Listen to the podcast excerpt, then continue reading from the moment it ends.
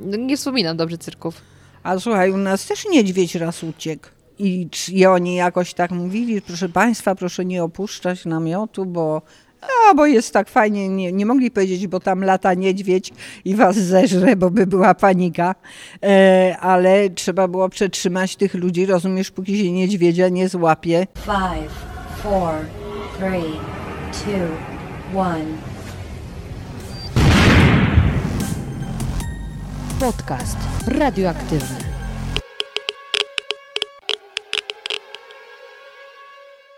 Dzień dobry, dzień dobry. Witam Cię w kolejnym odcinku podcastu radioaktywnego. Na początek krótkie ogłoszenia dusz podcasterskie. Chciałabym serdecznie podziękować i powitać wszystkich nowych patronów, którzy zdecydowali się mnie wesprzeć za pośrednictwem platformy Patronite po moim ostatnim e, apelu na Insta Stories. Dla tych z Was, którzy mnie nie obserwują na Instagramie, to tylko krótko e, powiem, że mm, podzieliłam się na Insta Stories taką moją refleksją dość smutną, że bardzo chciałabym móc dla Was nagrywać więcej, jeździć do innych miast niż tylko Warszawa w poszukiwaniu gości. Niestety podróże te mm, no, kosztują i zarówno pod kątem biletów na pociąg, czy paliwa, albo noclegu, jeśli jest to gdzieś dalej, a ponieważ moje oszczędności nie są zbyt duże i to mnie ogranicza w mm, nagrywaniu podcastu, bo niestety podcasty w przeciwieństwie do filmów na YouTubie nie są w żaden sposób monetyzowane. To znaczy, e, tak jak YouTube płaci twórcom za odsłony, tak, e, podcasterzy nie dostają żadnych pieniędzy od Spotify, iTunesa, Podcast Addict, Stitchera czy z jakiejkolwiek innej aplikacji, z której korzystacie. Czyli tak naprawdę, pomimo że wkładam równie wiele pracy co youtuberzy, bo miesięcznie tworzę 8 odcinków podcastów, 4 e, zmacznego, 4 radioaktywne, to nie dostaję z tego ani złotówki. Jednak prowadzenie tego podcastu, tak jak mówię, same dojazdy do gości generują pewne koszty, no, które muszę pokrywać z własnej kieszeni i dlatego też powstał Patronite, żebyście jak gdyby w zamian za to, że macie dostęp do tych treści, mogli mnie również wspomóc i to nie mówię y, wspomóc w taki sposób, żebym mogła sobie pojechać na Bali na wakacje, bo zupełnie mi na nich nie zależy, tylko wspomóc w taki sposób, żeby dołożyć swoją cegiełkę, dzięki której będę mogła dostarczać Wam kolejnych materiałów, kolejnych ciekawych rozmów, no i inspirujących gości. I właśnie po tym, jak podzieliłam się tymi moimi przemyśleniami, że chciałabym robić więcej, ale po prostu mnie na to nie stać, to kilka osób postanowiło dołączyć do grona moich patronów, za co ogromnie im dziękuję. Dlatego jeśli Wam również podcast umila czas podczas drogi do pracy, podczas biegania, sprzątania czy różnych innych czynności i chcielibyście dorzucić swoją cygiełkę, żeby mógł on dalej powstawać i ciągle się rozwijać, to zapraszam Was bardzo gorąco na stronę patronite.pl ukośnik zmacznego. Link znajdziecie w opisie odcinka. Sami decydujecie, jaką kwotą zdecydujecie się mnie wesprzeć, czy będzie to 6, 10 czy 35 zł. I tutaj od razu zaznaczę, bo kilka osób mnie już o to pytało. Bez problemu możecie dokonać jednorazowego wsparcia, jednorazowej wpłaty opłaty. Y, nie musicie się tutaj w żaden sposób zobowiązywać na kilka miesięcy, ale to już tyle z ogłoszeń dusz podcasterskich. Naprawdę chciałam po prostu bardzo serdecznie powitać wszystkich nowych patronów. Cieszę się, że, że jesteście, że jesteście na grupie na Facebooku, dzięki czemu ta grupa naprawdę żyje i jest tam bardzo wesoło. A teraz już przechodząc do tematu dzisiejszego odcinka, Moi drodzy, jakiego ja mam dla Was dzisiaj gościa, a nawet powiedziałabym bonus, mam dla Was dwóch gości, dwie kobiety, które są całkowitym zaprzeczeniem tego, co myślimy o ludziach starszych. W ogóle w kontekście tych kobiet jest mi głupio używać stwierdzenia osoby starsze, bo one udowadniają, że młodość nie ma absolutnie wieku. Moimi dzisiejszymi gośćmi są Bogusława oraz Karolina Schubert, znane jako cytrynowe królowe. Poznałam je jakiś czas temu przy okazji nagrywania podcastu Zmacznego o konfiturach, które przygotowują. I już podczas nagrywania podcastu o tych naprawdę przepysznych konfiturach wiedziałam, że spotkamy się ponownie, aby tym razem nie o jedzeniu, a o ich życiu, doświadczeniu i podejściu do tego życia porozmawiać w podcaście radioaktywnym. W dzisiejszym odcinku usłyszycie m.in. o pracy w cyrku, o uciekających lwach, o kulisach tego, jak wszystko działało przede wszystkim kiedyś, bo czasy, o których mówimy, e, są nieco bardziej odległe, ale usłyszycie również historię o tym, jak pomimo wyrzucenia z polskiej szkoły teatralnej można zrobić karierę we Francji, właśnie na deskach tamtejszego teatru. Oprócz tego porozmawiałyśmy o języku niemieckim, propagandzie, manipulacji, a także seniorach. Czy w ogóle słowo senior jest tym właściwym?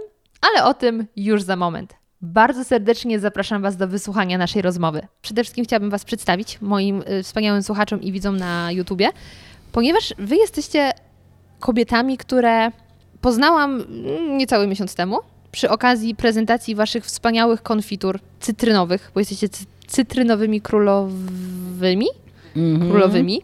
E, to było w WW Barze w Warszawie i tam miałam przyjemność degustować wasze konfitury, ale po rozmowie z wami, kiedy poznałam was trochę lepiej i nie tylko pogadałyśmy o jedzeniu, wyszłam z tego spotkania, zadzwoniłam do mamy i powiedziałam, że spotkałam takie kobitki, że chcę nagrać z nimi dłuższą rozmowę, bo uważam, że macie tyle niesamowitej energii w sobie, że to trzeba pokazać ludziom, bo wielu moich znajomych nie ma jednej trzeciej tej energii, a wydawać by się mogło młodzi, tutaj powinni działać i tak dalej. No nie. Więc widać, że absolutnie wiek nie ma nic wspólnego z energią życiową, tylko no to podejście do życia. I stwierdziłam, trzeba pokazać to wasze podejście do życia, wasze historie, bo są niesamowite. Także już oficjalnie. Y, po mojej prawicy siedzi wspaniała Karolina, po mojej lewicy siedzi wspaniała Bogusia. I teraz możemy przejść już do, y, do meritum. Tak, Bogusiu, ty byłaś aktorką. Ty byłaś aktorką, yy, Karolina była ekonomistką i porzuciłyście swoje mm, dotychczasowe życie i po, po namyśle, do tego też dojdziemy, yy, zaczęłyście robić przepyszne konfitury. Ale zanim do konfitur, ile miałaś lat, jak wyjechać do Paryża? O Boże, ile ja miałam lat, nie pamiętam, ale miałam jakichś lat, ja wiem, czekaj, no ze 23 mogę powiedzieć, albo dwa, coś takiego.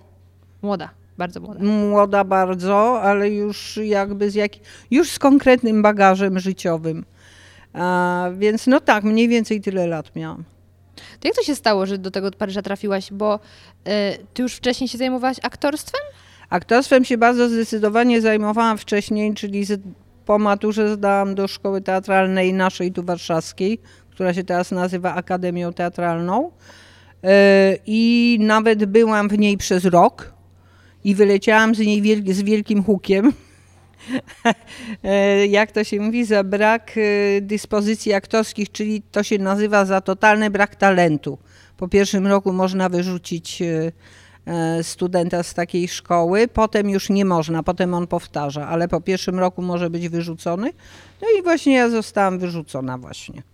A czy wskazywali konkretne y, cechy, które... No brak talentu, bez talencie takie. Czyli co to, nie, niewłaściwe pokazywanie emocji, wcielanie się w postać i tak dalej? Właśnie jakoś bardzo nieudana nieudana delikwentka. dla nich byłam, nie, znaczy dla nich właściwie chodziło o jedną osobę, więc, więc no ale najważniejszą, ponieważ był to rektor tej szkoły i mój profesor i opiekun pierwszego roku, czyli nie, nieżyjący już aktualnie Tadzio Łomnicki. Mhm. To on zadecydował, że mnie z tej szkoły wyrzuci, co zresztą uczciwie mi powiedział, że to zrobi i to zrobił. No. Aha, czyli po prostu dotrzymał słowa. A, nie, no bardzo był słowny chłopak. Ja, ja nie wierzyłam, a się okazało, że trzeba było wierzyć. No i powiedz, co wtedy pomyślałaś sobie? No nic sobie nie pomyślałam, ponieważ byłam bardzo młodą, delikatną dziewczyną, więc y, bardzo byłam załamana, ale też natychmiast pojechałam zdawać do teatralnej w Łodzi ale Łomnicki był szybszy, no nieważne. Po czym... I to wtedy nie było internetu, także nie było naprawdę... jednak, widzisz, ale telefony działały, inne takie. A. I, za, I w tym samym czasie się dowiedziałam, wiesz, że w Teatrze Żydowskim powstaje studium, ponieważ rzeczywiście starzy aktorzy mówiący w języku idisz wymierali, a na, a na Rybek nie mówił w tym języku. No to jak grać w Teatrze idisz, nie mówiąc idisz, to już jest kicha. Mhm. No to kończy się teatr. Więc ja się zapytałam, zapytałam się dyrektora, czyli Szurmieja, też już nieżyjącego, Matko Boska, same świętej pamięci, yy, czy ja jako gojka czyli nie Żydówka, mogę zdawać do tego. A on mówi, ale serdecznie zapraszam. No więc y, byłam przez rok y, w Teatrze Żydowskim. Ale uczyłaś się wtedy tego jidysz? Ale kochana byłam najlepsza. Pisałam, mówiłam, czytałam, śpiewałam e, w języku jidysz, który jest przepięknym językiem. A pamiętasz go jeszcze? A Coś wiesz co, powiedzieć? pamiętam kawałek piosenki ci mogę zaśpiewać, bo mówić to nic nie pamiętam. To możesz zaśpiewać, bo ja jestem bardzo ciekawa, jak to w ogóle brzmi. To jest, to się mówi, że jest to rodzaj dialektu starogermańskiego z bardzo dużą ilością słów, zależnie od regionu, bo to jakby obejmowało Żydów Europy Środkowej i Wschodniej. Mhm. Więc jeśli na przykład to było tu z tego regionu, to było dużo słów polskich, ale i rusycyzmów mnóstwo, poprzeplatane. Mhm. Ale jako baza języka, no to starogermański, tak trochę brzmi. No ale ci zaśpiewam, zaśpiewam ci, zaśpiewam ci kawałek piosenki. Y, Weibke, mein Lieber, das wird geht's nicht geben. Du bringst mit deiner Schönes mich fin Geduld aus. Du müsst sich lernen tanzen, ich schwör bei unser Leben. O, Naprawdę po niemiecku to brzmi. no, tylko jest miększy. On jest taki bardziej śpiewny, bardzo ładny język. Ale to, to mam teraz taki... Nie chcę teraz użyć jakiegoś anglojęzycznego określenia, bo wtedy wszyscy mówią, o, język polski taki fajny, a ty już używasz zagranicz- zagranicznych słów. Ale mam teraz taki coś dziwnego w głowie, że żydowski język jest tak blisko niemieckiego. Jakoś to takie jest dziwne. To jest język, właśnie, wiesz co, nie mam pojęcia, nie, nie, nie mam pojęcia jakby jak one się po, poprzeplatały, e, ponieważ to jest język jidysz, to nie jest hebrajski. No tak, no, ale tym W jidysz hebrajskim... też jest bardzo dużo oczywiście słów hebrajskich. No tak. Jasna sprawa.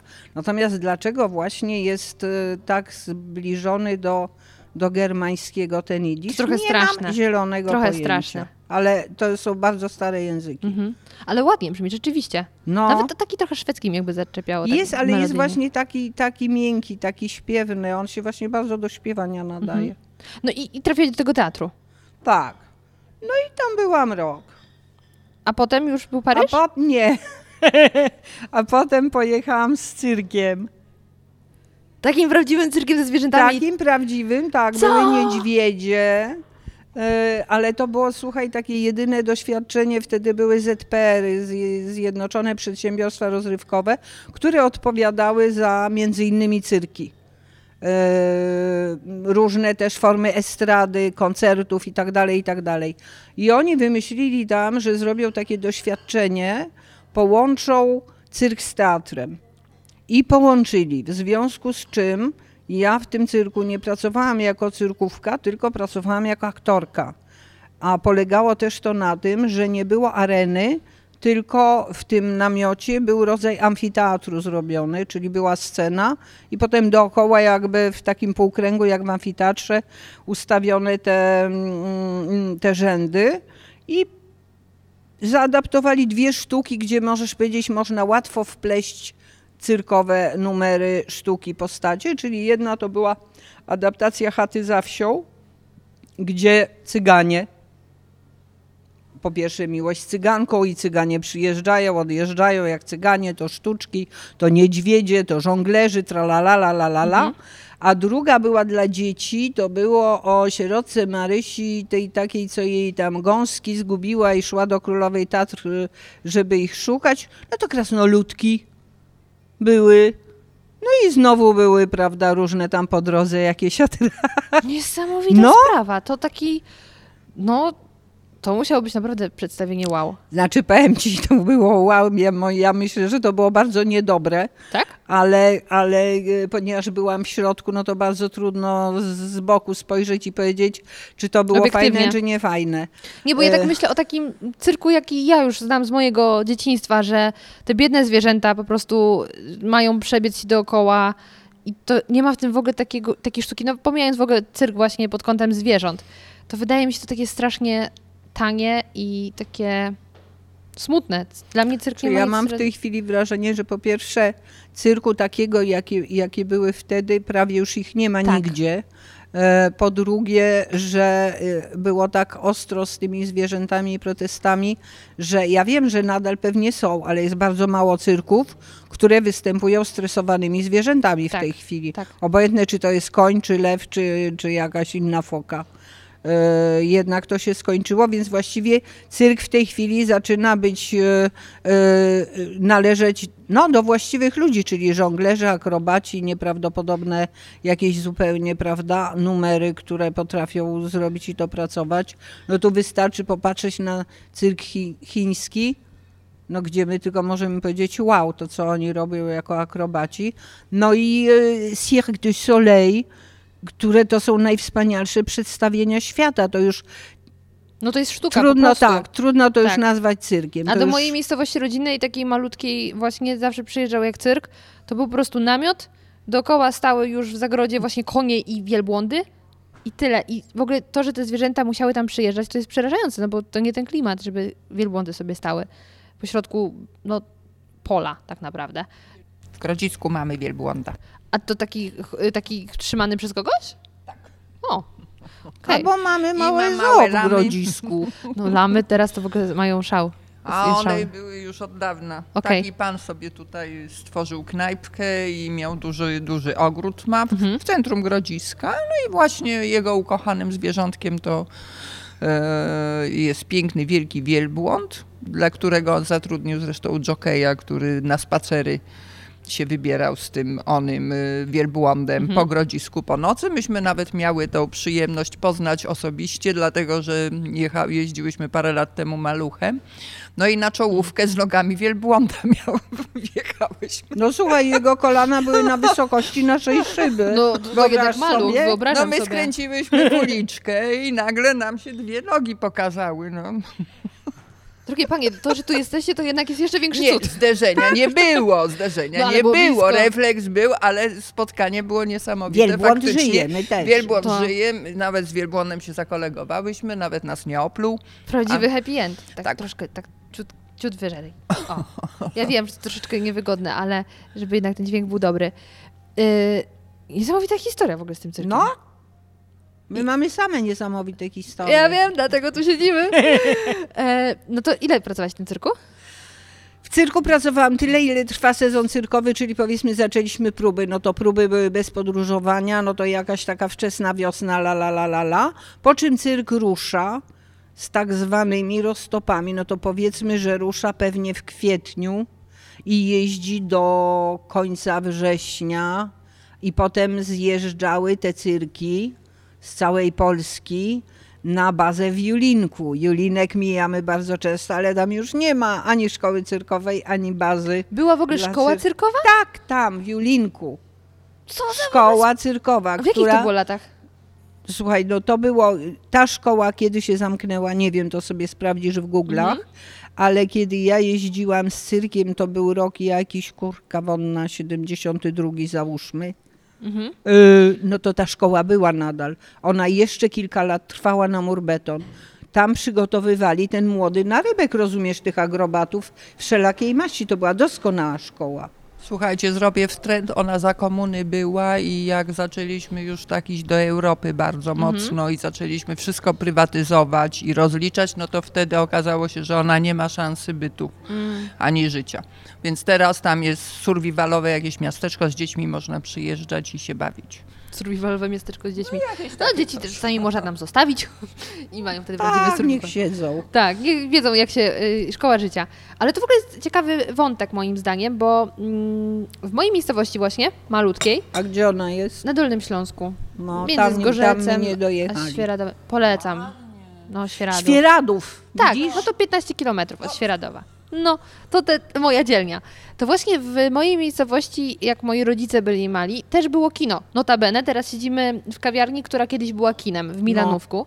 I tak samo było w mojej miejscowości. Było kino, gdzie tam można było pójść, obejrzeć jakieś filmy. I wiem, że rodzice chodzili.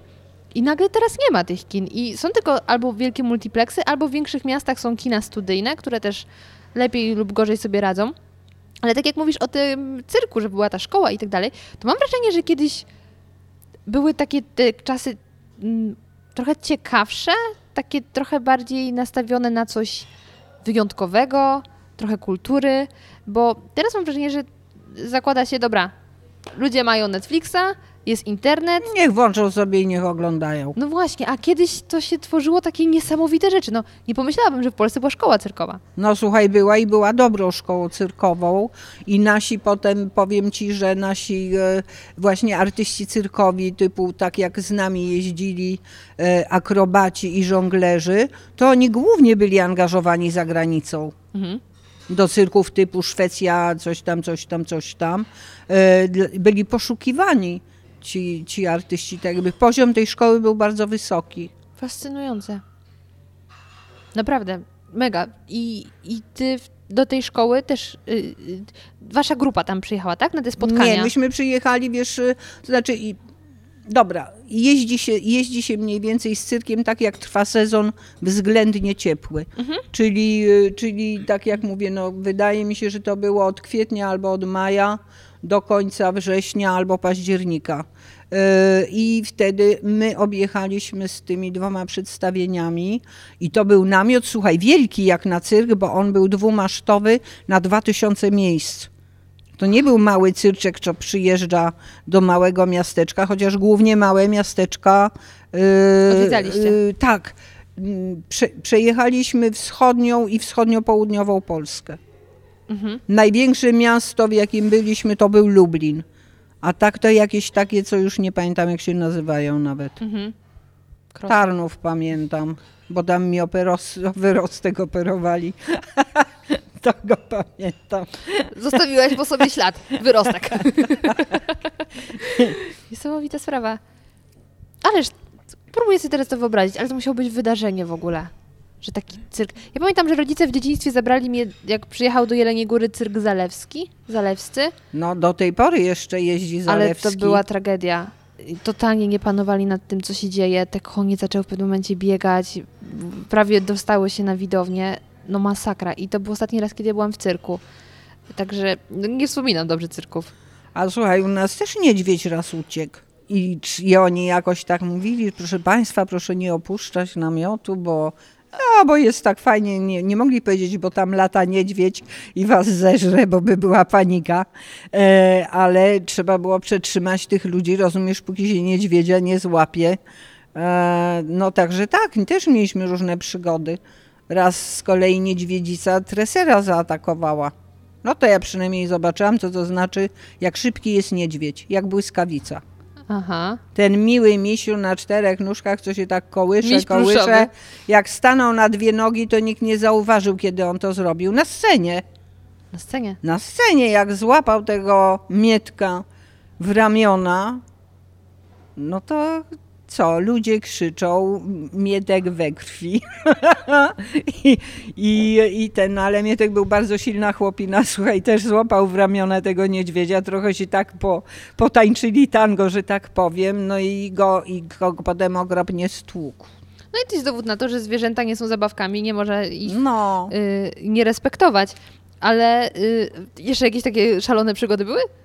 No była na przykład bardzo szalona przygoda, że w jakimś tam miejscu na wschodzie Polski tak długo padały deszcze, że yy, cyrk zaczął się zapadać. To jest strasznie ciężka struktura jednak, Jak rozumiesz? mówisz, że dwa maszty. I też zaczął się zapadać, jakby te gradziny zaczęły tak jechać w tym błocie. 2000 ludzi, błagam was.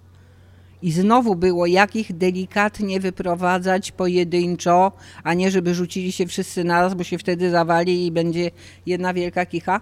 I na tyle się jednak zapadł, nikomu się nic nie stało, że musiały przyjechać, to pamiętam jak dziś już e, wielkie traktory nie działały, czołgi rosyjskie, akurat armia radziecka, nasi przyjaciele tam stacjonowała, przyjechały czołgi, te czołgi nas wyciągały, rozumiesz, z tego błota. Już widzę ten nagłówek. Czołgi ratują cyrk. No, tak, cudowne. właśnie, ratowały nas absolutnie Super radzieckie Express czołgi. by o tym pisał. Niech żyje armia radziecka. Ale, y, a jeszcze powiem jedno, no. ponieważ jeździliśmy takimi prawdziwymi, nie karawanami, tylko nie kempingkarami, tylko takimi wozami drzymały. No właśnie miałam zapytać, jak wy się I, e, I to jest tak. E, Zgodnie z regulaminem absolutnie nie mamy prawa w przemieszczaniu się między miastem a miastem jeździć tymi wozami. Nie mamy prawa, jest to zabronione. Oczywiście wszyscy jeżdżą, no bo co, przedstawienie się kończy koło 9 czy 10 wieczorem i jak ty masz z Pcimia Dolnego do Pcimia Górnego, przepraszam, w tamtych latach jeszcze, dojechać?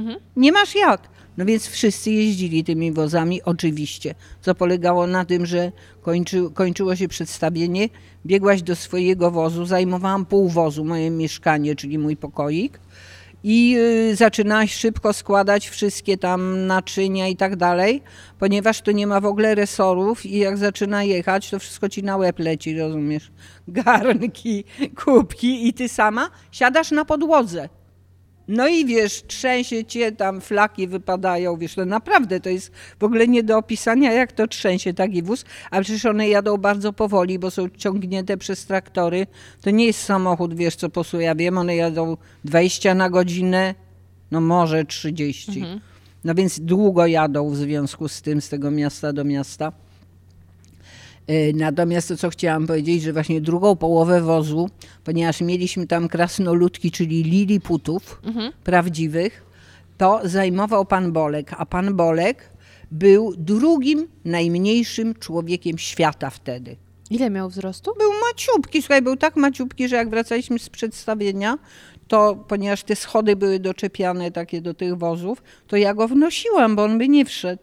Wow, Był jak takie, no ja wiem, z 50 centymetrów miał. to jest niesamowite. Jak malutkie dziecko, a ponieważ był liliputem, to był bardzo proporcjonalny. On nie był karłem, tylko liliputem. I te wszystkie nasze krasnoludki były liliputami, czyli byli to maleń, maleńkie ludziki. Ale mieli normalne głowy, normalne nogi, wszystko było normalne, tylko maciupkie. Więc jak do niego chodziłam na kawę, to się czułam jak ten, e, o, w krainie liliputów Gulliver, ponieważ wchodziłam do jego wozu i po prostu siadałam na podłodze. A u niego wszystko było robione na jego wymiar. Czyli Rozumiesz? to nie ma Mały stoliczek, małe- Dla... Tak, wchodziłam do niego na herbatkę, tylko siadałam, no bo tam byłam tym strasznym wielkoludem. Alicja w Krainie Czarów, jak ona w pewnym momencie rosła. No, wszystko- Dokładnie. Ale je, w jednym z podcastów, y, jakieś dwa odcinki temu, trzy może, rozmawiałam z dziewczyną o modzie, która mm, za czasów swoich studiów interesowała się właśnie taką odmiennością, jak ta odmienność wpływa na życie? I y, jej praca magisterska czy licencjacka była temu poświęcona i właśnie ona analizowała liczną literaturę, między innymi anglo, anglojęzyczną, e, o tych ludziach, że oni w tamtych czasach właśnie odnajdywali miejsca w, w, miejsce w cyrku i dzięki temu nie tylko em, ta ich odmienność stawała się niesamowitym atutem, ale też dzięki temu mogli prowadzić godne i takie lepsze życie. No, zarabiali na No przykład. właśnie. I to jest właśnie fajne, że, że cyrk pozwalał im na takie miejsce. Znaczy I, wiesz co, cyrk, przepraszam, to, to właśnie z tego się wzięli ci ludzie w cyrku, że generalnie to są freaks. Tak. Czyli monstry, czyli Dokładnie. potwory, Tak, tak, tak. które ta cudowna gawieć oglądała. Kobieta z brodą, Tak. wiesz, y, y, nie wiem, jakaś z dwoma, czterema rękoma, no różne były przecież przedziwne te ludzkie te. Tu akurat powiedziałabym, że liliputy, oprócz tego, że malutkie, no to wcale nie takie atrakcyjne, o wiele bardziej atrakcyjne były prawdziwe friksy i one były wystawiane. ale też u was cyrku były? Nie, u nas to już nie, to już nie te lata. te- okej. już, już, wtedy, już wtedy to jednak generalnie na świecie była mowa o prawach ludzkich i tak dalej, więc jakby ich nie respektowano, tego już nie robiono. Mhm. Ale jeszcze myślę na początku, wiesz, XX wieku bez łachy. Mhm. No właśnie, ona dokładnie miała pracę poświęconą e, Freaks. No, to D- tego, d- dokładnie ten temat. Niesamowita sprawa. Dobra, y, no to tak. A ty w ogóle miałaś kiedyś okazję uczestniczyć w tym przedstawieniu? Ja w tym czasie, kiedy Bogusia jeździła sobie tym wozem drzymały, to akurat siedziałam w Częstochowie i którąś tam klasę licealną. Licealną? To nie jesteście z Warszawy? Gdzieś tutaj z okolic? Ja po prostu jakieś miałam takie życie, że troszkę byłam w Warszawie, troszkę byłam w Częstochowie u dziadków. No, a I potem chodzi- znowu byłam w Warszawie. No liceum w każdym bądź razie prze, przechodziłam w Częstochowie. Zresztą fantastyczne liceum, fantastycznych ludzi. Najfajniejszy czas właściwie bym powiedziała taki w ramach wspomnień z młodości to był ten okres liceum mojego. E, no to, to się tak, no to się trochę rozminęłyśmy z Bogusią, bo Bogna jeździła po Polsce wtedy, a ja siedziałam i się bardzo tam uczyłam dzielnie, dziarsko albo nie wiem co. I czego się uczyłaś? Nie, no uczyłam się, słuchaj, uczyłam się do liceum, miałam klasę matematyczno-fizyczną O Boże. i jakiś taki strasznie wysoki poziom. Wszyscy byli bardzo ambitni, ci profesorowie, ale mówię, no miałam dobrych kolegów przede wszystkim, bo jakoś taka klasa była bardziej męska, a tych dziewczynek było No jak w każdym matwizie. Ym, No. Yy, Także bardzo dobrze sobie czas spędzaliśmy, jakoś wolne te weekendy, jakieś dyskoteki, jakieś wycieczki, jakieś wszystko, a przy trudniejszych sprawach koledzy jednak ścisłe umysły pomagali człowiekowi jakieś zadania rozwiązywać i tak dalej. Ale teraz właśnie mówisz o tym, że byłaś na tym matwizie i to jest dobry w sumie moment, bo y, teraz jest ten taki gorący temat, czy matematyka powinna być na y, maturze. I moim zdaniem to, czego my się teraz uczymy w szkołach, to jest trochę śmiech na sali, bo ja przyznaję, ja już nic nie pamiętam ze szkoły, to jest po pierwsze, ale Jesteś jedna.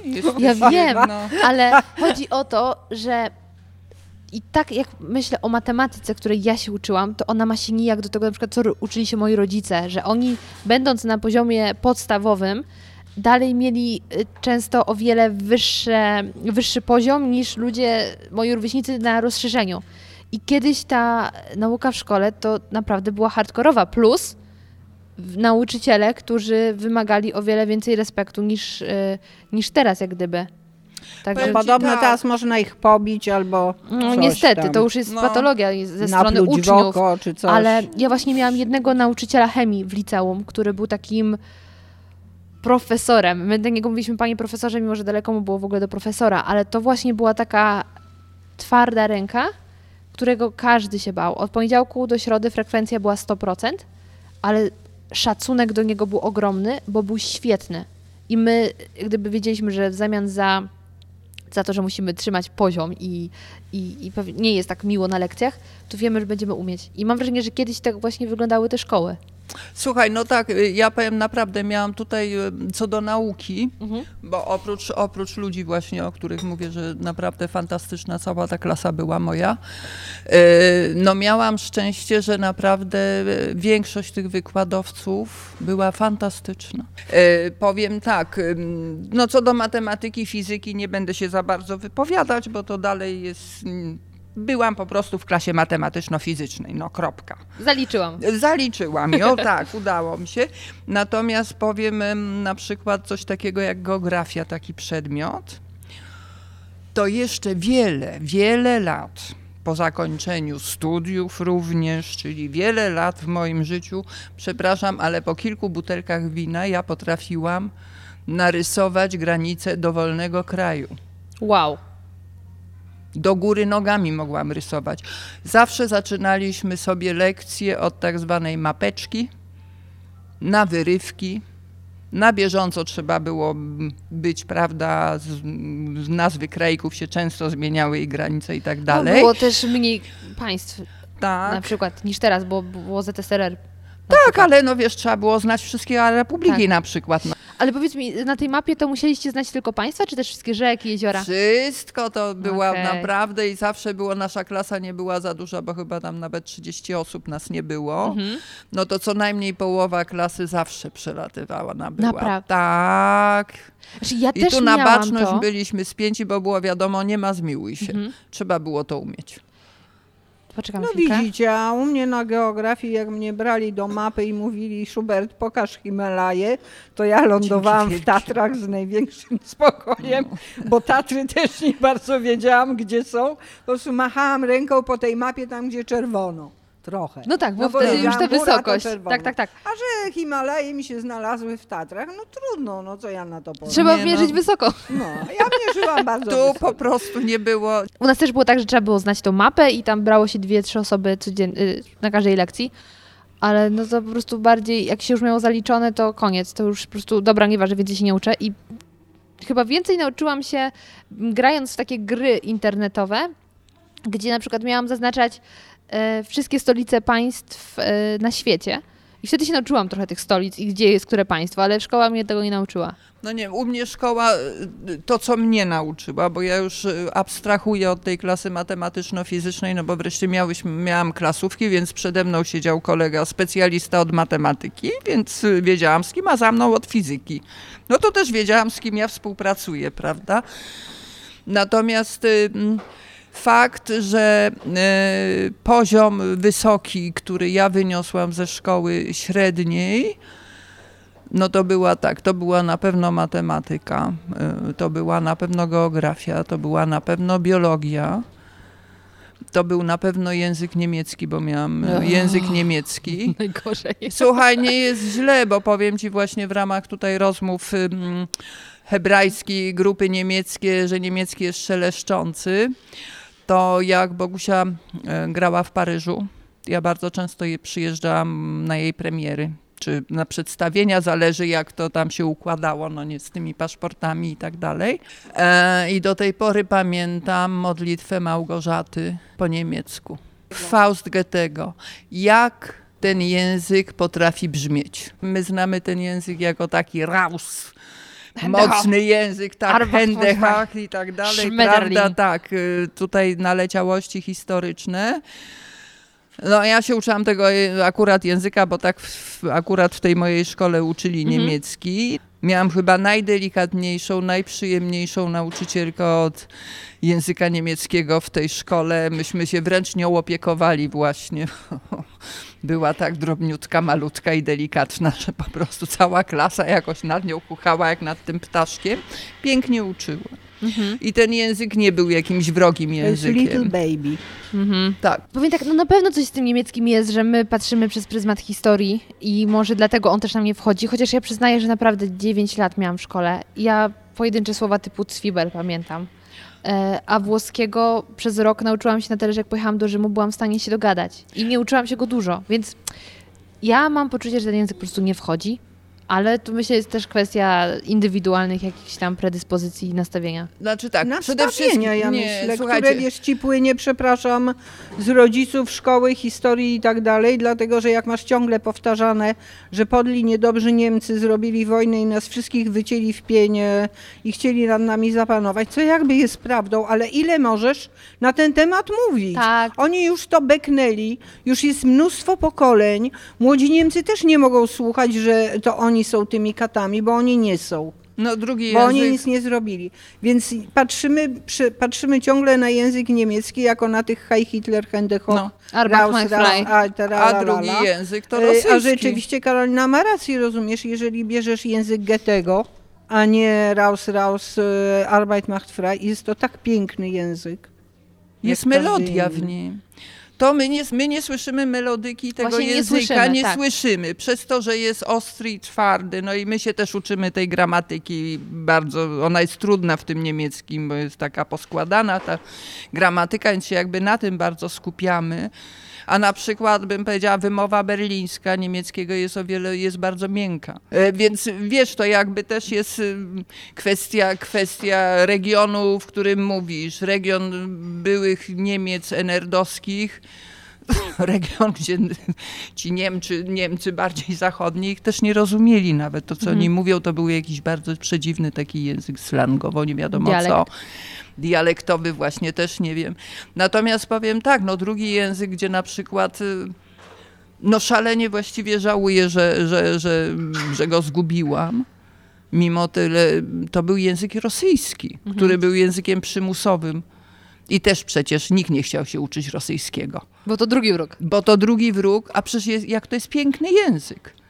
Moim zdaniem brzmi o wiele lepiej niż ukraiński i białoruski. One no. są wszystkie niby blisko. My wszyscy jesteśmy niby blisko tymi językami, ale no nie, nie podoba mi się zupełnie brzmienie ukraińskiego i białoruskiego.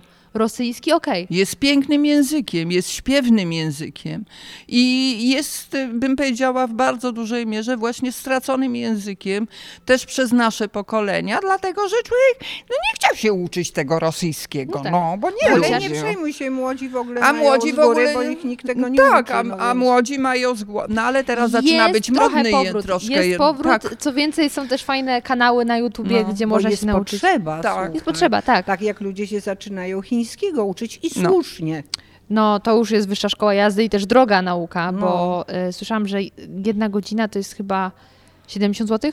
Nie mam To już pojęcia. są spore pieniądze, żeby chodzić na, na ten. A też bardzo są oblegiwa, oblegane mm, kierunki i jest kilkadziesiąt chyba osób na jedno miejsce na uczelni. Ja umiem powiedzieć po chińsku.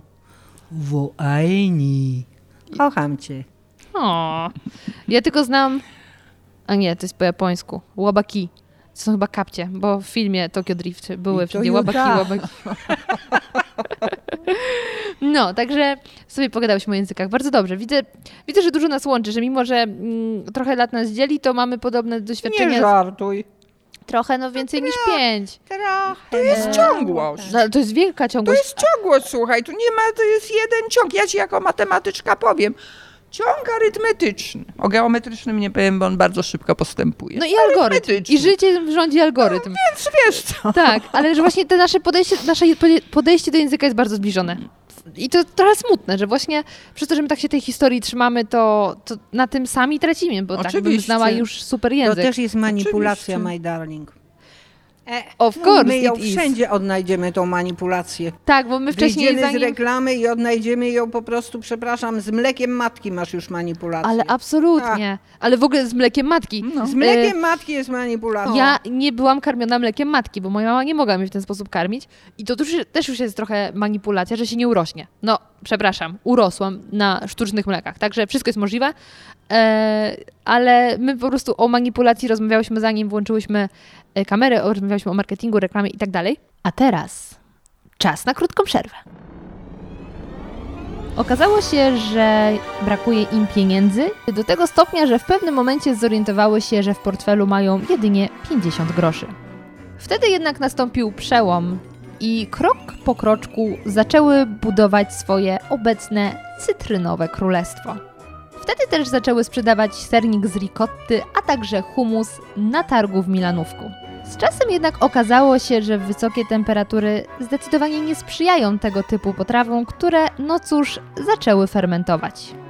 Wtedy za sprawą, ktoś mógłby powiedzieć przypadku, ale moim zdaniem przeznaczenia, w ich ręce wpadł magazyn, w którym znalazły przepis na konfitury z cytryny. I co było dalej?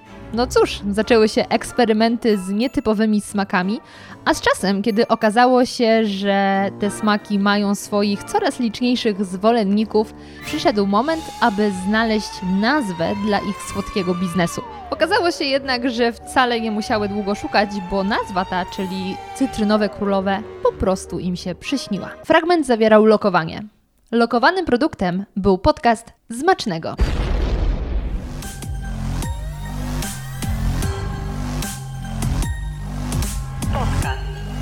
Dzień dobry, dzień dobry. Dobrze, to teraz na chwilę wróćmy do wątku cyrku.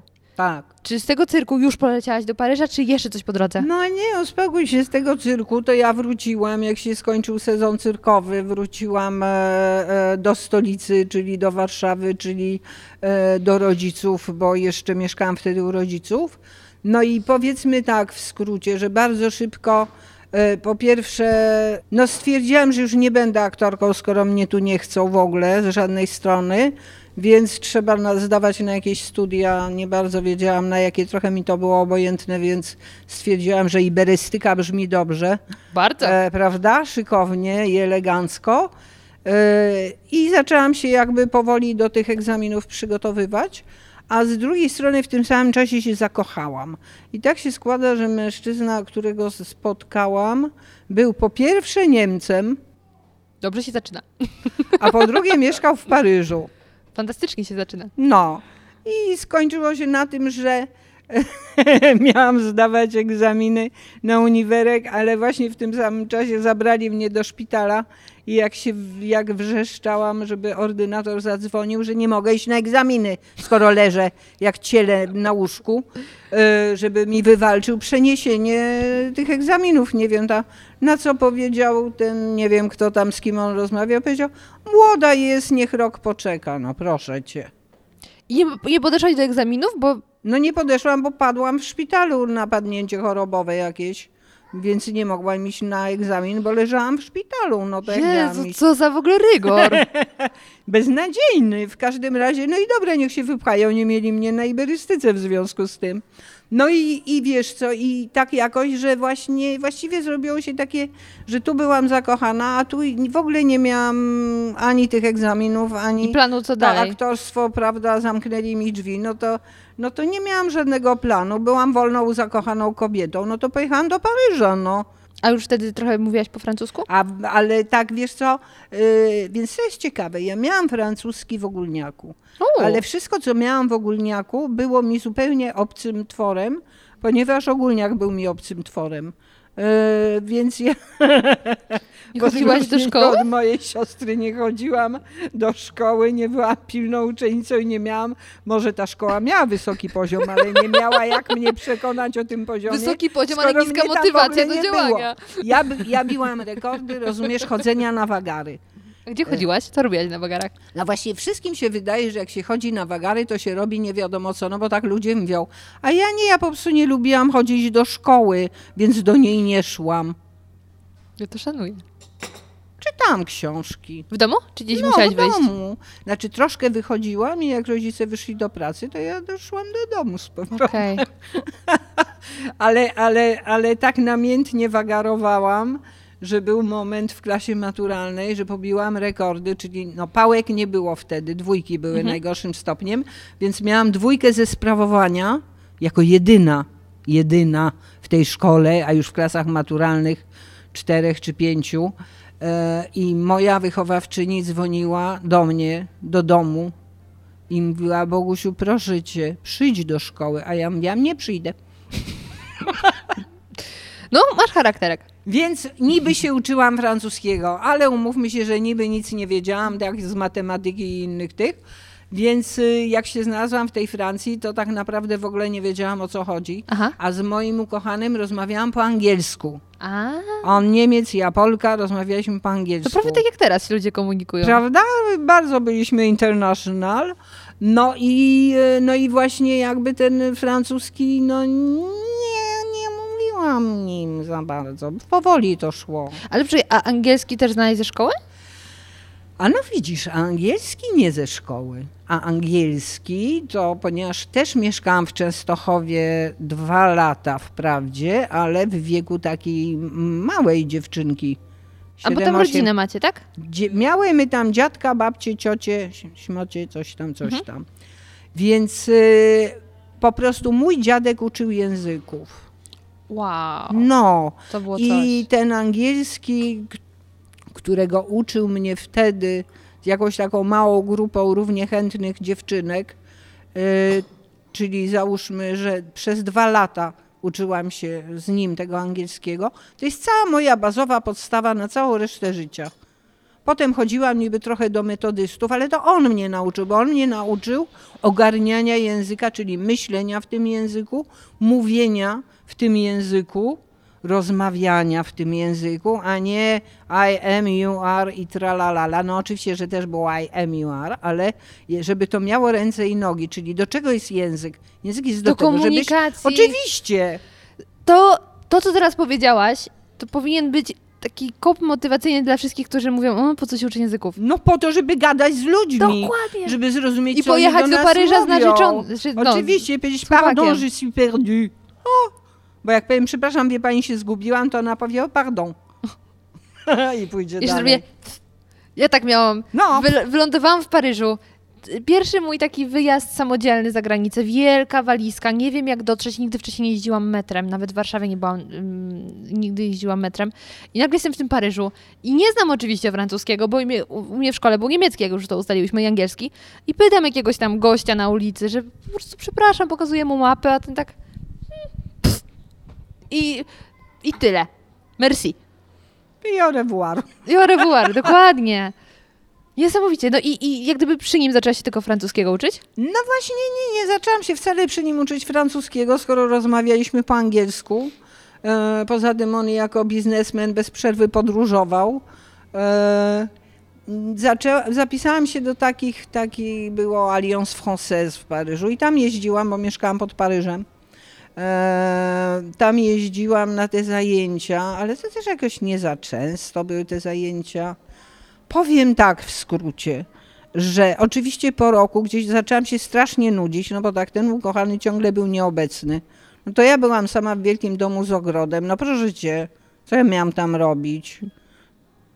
Jeść Włóczyć się po Paryżu, Jeść no, bagietki, jeść pi- bagietki, pić, pić wino. wino. Co robiłam?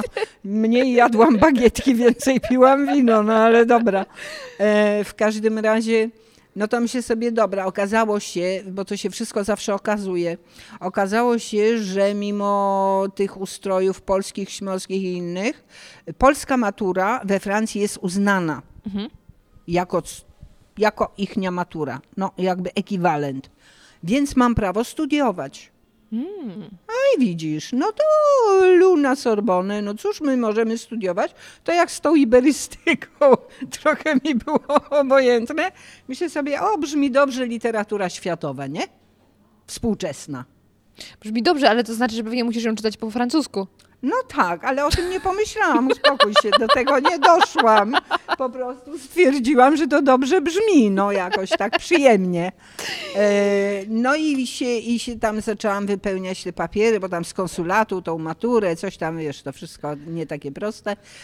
I pojechałam znowu tam na tą Sorbonę, jakoś już miałam tych papierów ileś i stałam, coś tam jeszcze dopisywałam i mnóstwo było jakichś takich różnych ulotek tam, wiesz, jak to w takich miejscach, gdzie studenci, co możesz studiować, jakie szkoły, no wiesz tego.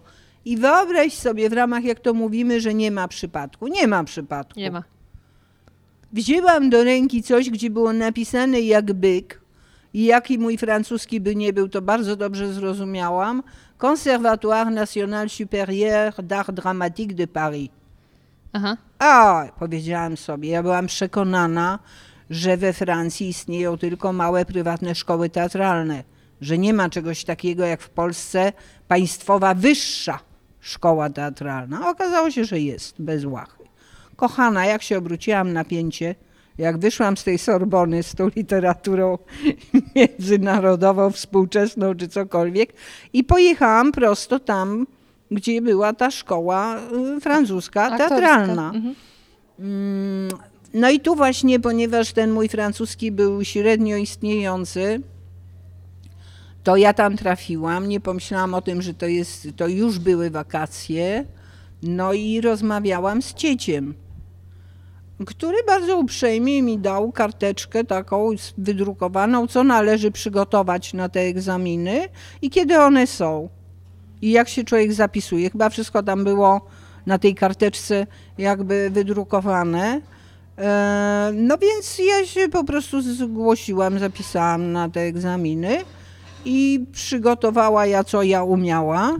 E, Czyli wybrałam sobie trzy monologi, dwa współczesne i jeden e, taki bardziej klasyka. No jak klasyka to wiadomo Racina francuskiego. E, I mm, coś z Matki Witkiewicza, o ile się nie mylę, jeśli pamiętam, i monolog Molly Bloom z Ulyssesa Jamesa Joyce'a. E, To wszystko oczywiście po francusku, no ale na pamięć się każdy umie nauczyć wszystkiego, więc bez łachy. E, Problem miałam z Racinem, no bo to jest jednak wiersz, iluś tam zgłoskowiec, chyba dwunasto, więc wiedziałam, że na pewno jakoś to trzeba mówić w ramach śpiewania, akcentów i tak dalej.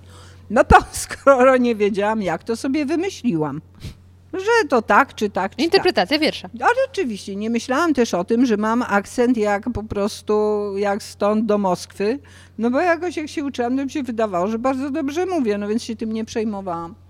I wszystko było fajnie, nauczyłam się tego tak, że mogłaś mnie w nocy obudzić i ja ci recytowałam po kolei wszystko.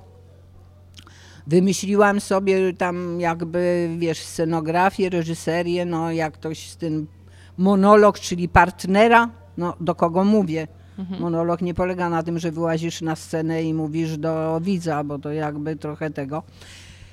No więc wszystko bardzo dobrze. Dopiero jak pojechałam na te egzaminy, to się co okazało? W ramach tej karteczki, no tego na karteczce nie było, a pan, pan Cieciu mi też tego nie powiedział, że oni tam zupełnie inaczej przygotowują się do egzaminów i przychodzą na te egzaminy, wybierają sceny z partnerami a nie monologi.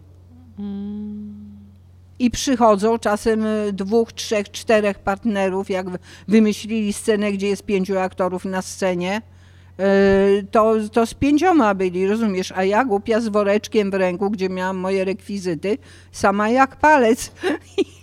Myślę sobie, ale kicha, to się nie zaczyna za dobrze. No a drugie było, myślę sobie, co tu zrobić, żeby to były pierwsze eliminacje, no bo tych eliminacji trochę jest. Co tu zrobić, żeby oni nie zobaczyli, że ja trochę nie mówię w tym języku, rozumiesz? Trochę. No tam myślę sobie, najważniejsze iść prosto na scenę. Zdecydowanym krokiem. Najlepiej od razu zacząć coś. I ponieważ to nie było wtedy, te eliminacje nie były w teatrze, tylko w jakiejś wielkiej sali, więc podejrza, podejrzałam, jak wchodzili i wychodzili ci delikwenci, że szanowna komisja siedziała od razu po prawo od wejścia do drzwi, czyli scena była na wprost. No to jak się drzwi otworzyły i już wreszcie mnie wyzwano, to ja poprułam prosto jak transatlantyk, żeby szybko na tą scenę i słyszę za sobą, że ktoś coś do mnie mówi, bo ja ledwie, no oczywiście powiedziałam dzień dobry, żeby nie było, że jestem chamka jakaś, z Polski chamka albo coś, ale tak wiesz, prosto przed siebie i słyszę, że ktoś do mnie coś mówi z tyłu.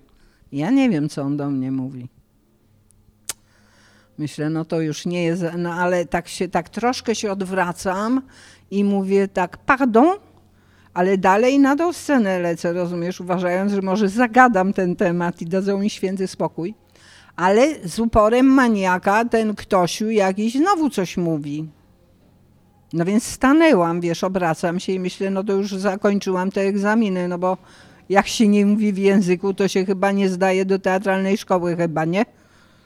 E, I w tym momencie wyobraź sobie, więc jakiś tam mi zadawał to pytanie, natomiast zupełnie inna osoba, przeuroczy pan, który siedział najbliżej drzwi, zresztą to pamiętam, który potem był moim profesorem, ale też wielkim kumplem, bo żeśmy razem grali, bardzo powoli, prawie sylabizując, bardzo prostymi słowami powiedział tak.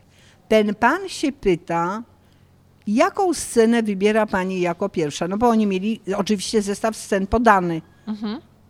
Nazwisko, prawda, jakaś tam Schubert i e, scena la la la la la la Tak. la la. Jezu, jak ja to zrozumiałam, wiesz, jak ja się ucieszyłam i mówię, ach, to! ja mówię, dobra, no to tam, nie wiem, matkę załóżmy Witkiewicza albo cokolwiek, no Aha. już nie pamiętam, co wybrałam, wybrałam, ale możliwe, że matkę jednak wybrałam. No i pobiegłam na tą scenę i już potem, wiesz, nikt ze mną nie gadał, tylko ja gadałam na tej scenie, więc się w ogóle nie przejmowaliśmy tym. I jak wyszłam i czekałam, bo pamiętam, że tego samego dnia wieczorem miały być wywieszone pierwsze listy tych, którzy przeszli następnego etapu. tak, do, do, do drugich eliminacji, e, to przychodzili studenci ze starszych lat tam już, którzy byli tam jakoś obecni y, na tych egzaminach i mówi do mnie jeden, mówi, jesteś taką genialną aktorką, to jest wspaniałe, mówi, fantastyczne, tylko zrób coś z tym akcentem. Proszę cię, zrób coś z tym akcentem. No i w każdym razie, no właśnie. I poszłaś dalej. No i tak, i przeszłam eliminację, eliminację, eliminację. Yy, na trzecie eliminacje już takie, wiesz, już ten przesiew był total. Zostało już bardzo niewielu tych kandydatów. Yy, bo ilość miejsc jest taka sama mniej więcej jak w polskiej szkole, więc ja myślę, że to jest taka średnia wyliczona, którą pewnie mają i Anglicy, i Włosi, i Niemcy, i nie wiem, i pewnie Amerykanie. To jest mniej więcej 20, 23 osoby, z czego dwie trzecie chłopaków, jedna trzecia dziewczyn. Tylko ilość kandydatów w Paryżu była trochę większa niż w Warszawie, bo pamiętam, że w Warszawie byłam przerażona, jak zdawałam, bo się mówiło, Boże, to jest w ogóle niemożliwe. Chyba było między 100 a 200 osób na miejsce, a w Paryżu było 1000 osób na miejsce, więc jakby trochę, ale ja tego nie wiedziałam, więc nie byłam obciążona, wiesz, tym, że o Boże, o Boże, o Boże, tylko bez o Boże, o Boże. No i w każdym razie powiem, bo to jest fajna, fajna story. Ten, no więc to już w teatrze prawdziwym, wiesz, tego. Piękny, zresztą piękny teatr ma szkoła. Stary taki, wiesz, taka bombonierka. No i dobra, no wyłażę na scenę i tu już tylko jedna do wyboru, więc oczywiście wybrałam Racina, Fedrę. No żeby było, że my tutaj, prawda, francuska klasyka, zresztą bardzo lubiłam ten, ten. No i tak, po pierwsze to nie był monolog, tylko to był dialog. Nie miałam tam monologu w tej Fedrze, żadnego wystarczająco długiego, żeby zrobić z tego scenę. Więc wzięłam dialog między Fedrą i Enoną, czyli jej piastunką i zadecydowałam tak. To jest moment, kiedy Fedra wyznaje, że kocha Hipolita, czyli swojego pasierba, który ma lat załóżmy 19, a ona ma lat załóżmy 50 albo coś.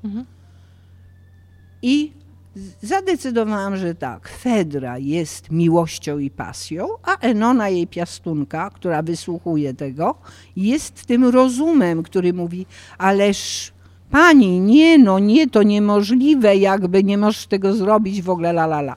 No i e, jako partnera, do którego się zwracałam głównie, e, wybrałam sobie, ponieważ e, e, dziadkiem Fedry był Słońce, Bóg Słońce.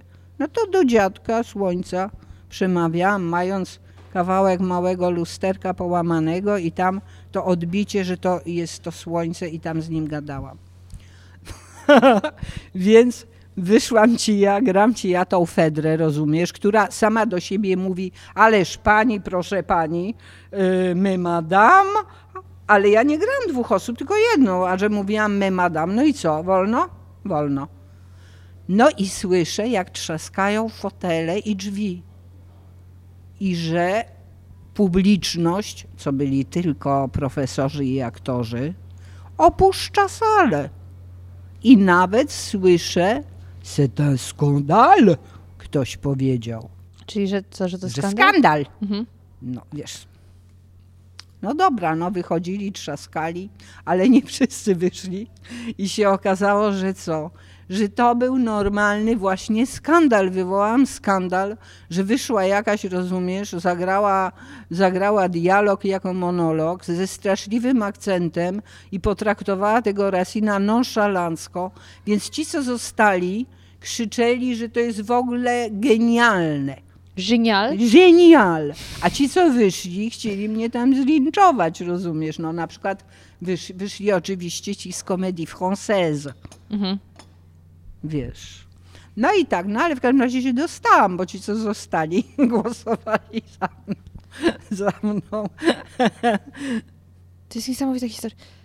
Ja już teraz wyobrażam sobie, co myślą słuchacze, że to jest jakieś w ogóle wow, że osiągnąć coś takiego i z takim właśnie taką pewnością siebie. I teraz moje pytanie, bo teraz jak się wyjeżdża za granicę, no to nawet jak się tęskni za rodziną i tak dalej, za resztą społeczeństwa polskiego, jakkolwiek to brzmi, za byciem po prostu u siebie, no to jest to właściwie o tyle proste, że mamy internet, wiemy co się dzieje w Polsce, mamy telefony, zadzwonić do kogoś to nawet już jest tani interes.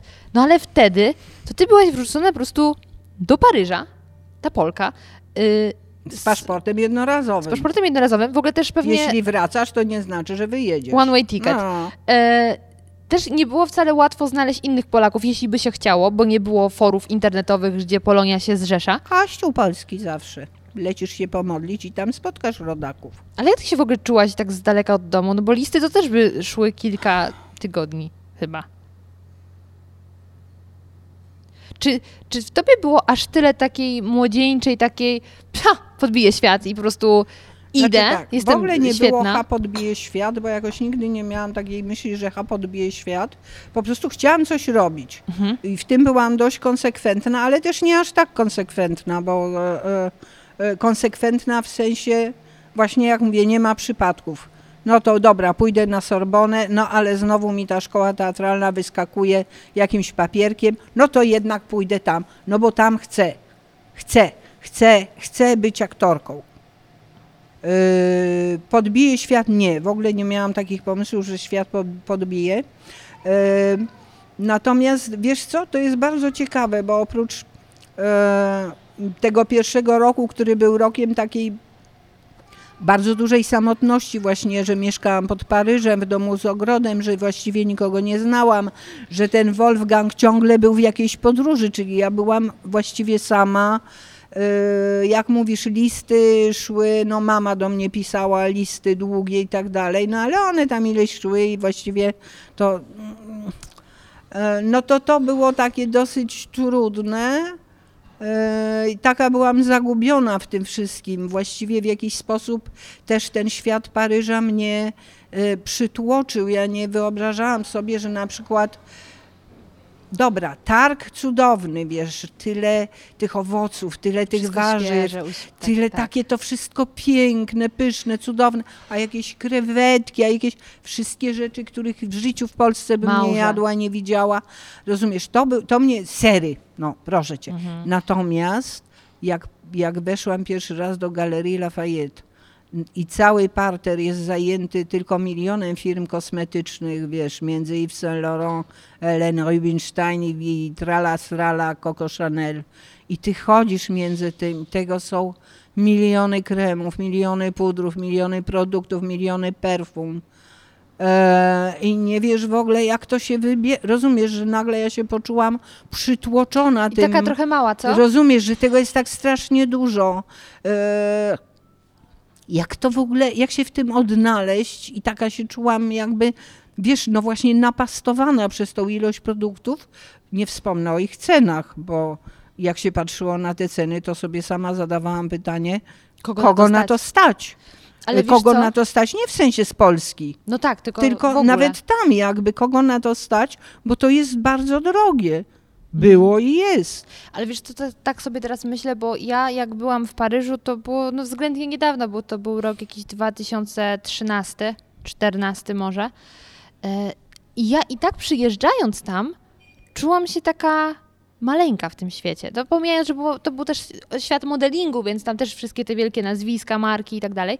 Ale chodząc tymi ulicami, czułam się takim osobą, która tam totalnie nie pasuje. Miałam takie poczucie, nie, że jestem gorsza, ale że odstaję. Znacznie odstaję, chociażby przez to, że to właśnie jest ten wielki Paryż, tyle złota, ta galeria Lafayette, No to, która przychodzisz i czujesz się taki.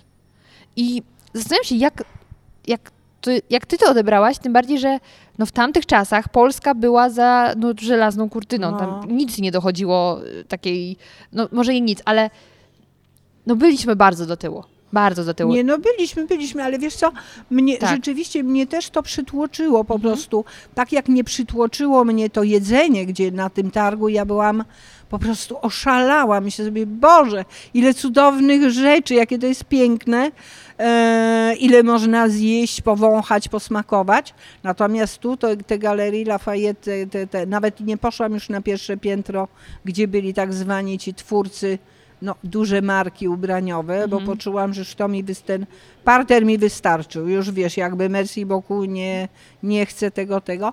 Więc to zajęło ileś czasu, ale powiem ci tak, to był ten rok. On był trudny, bo byłam bardzo samotna, on był trudny, bo nie rozumiałam, on był trudny, bo właśnie mnóstwo rzeczy mnie przytłaczało. Natomiast potem, jak się dostałam do tej szkoły, to ja jeździłam na zajęcia, jak każdy normalny student, czyli wstawałam rano, wsiadałam w pociąg i jechałam do Paryża, spędzałam cały dzień w szkole. Yy, uczyłam się yy, tych, no i też uczy- wtedy się zaczęłam uczyć francuskiego tak naprawdę Mhm. ponieważ pierwszy rok zajęć polegał na tym, że no, oni byli Francuzami, a ja byłam nie Francuzem.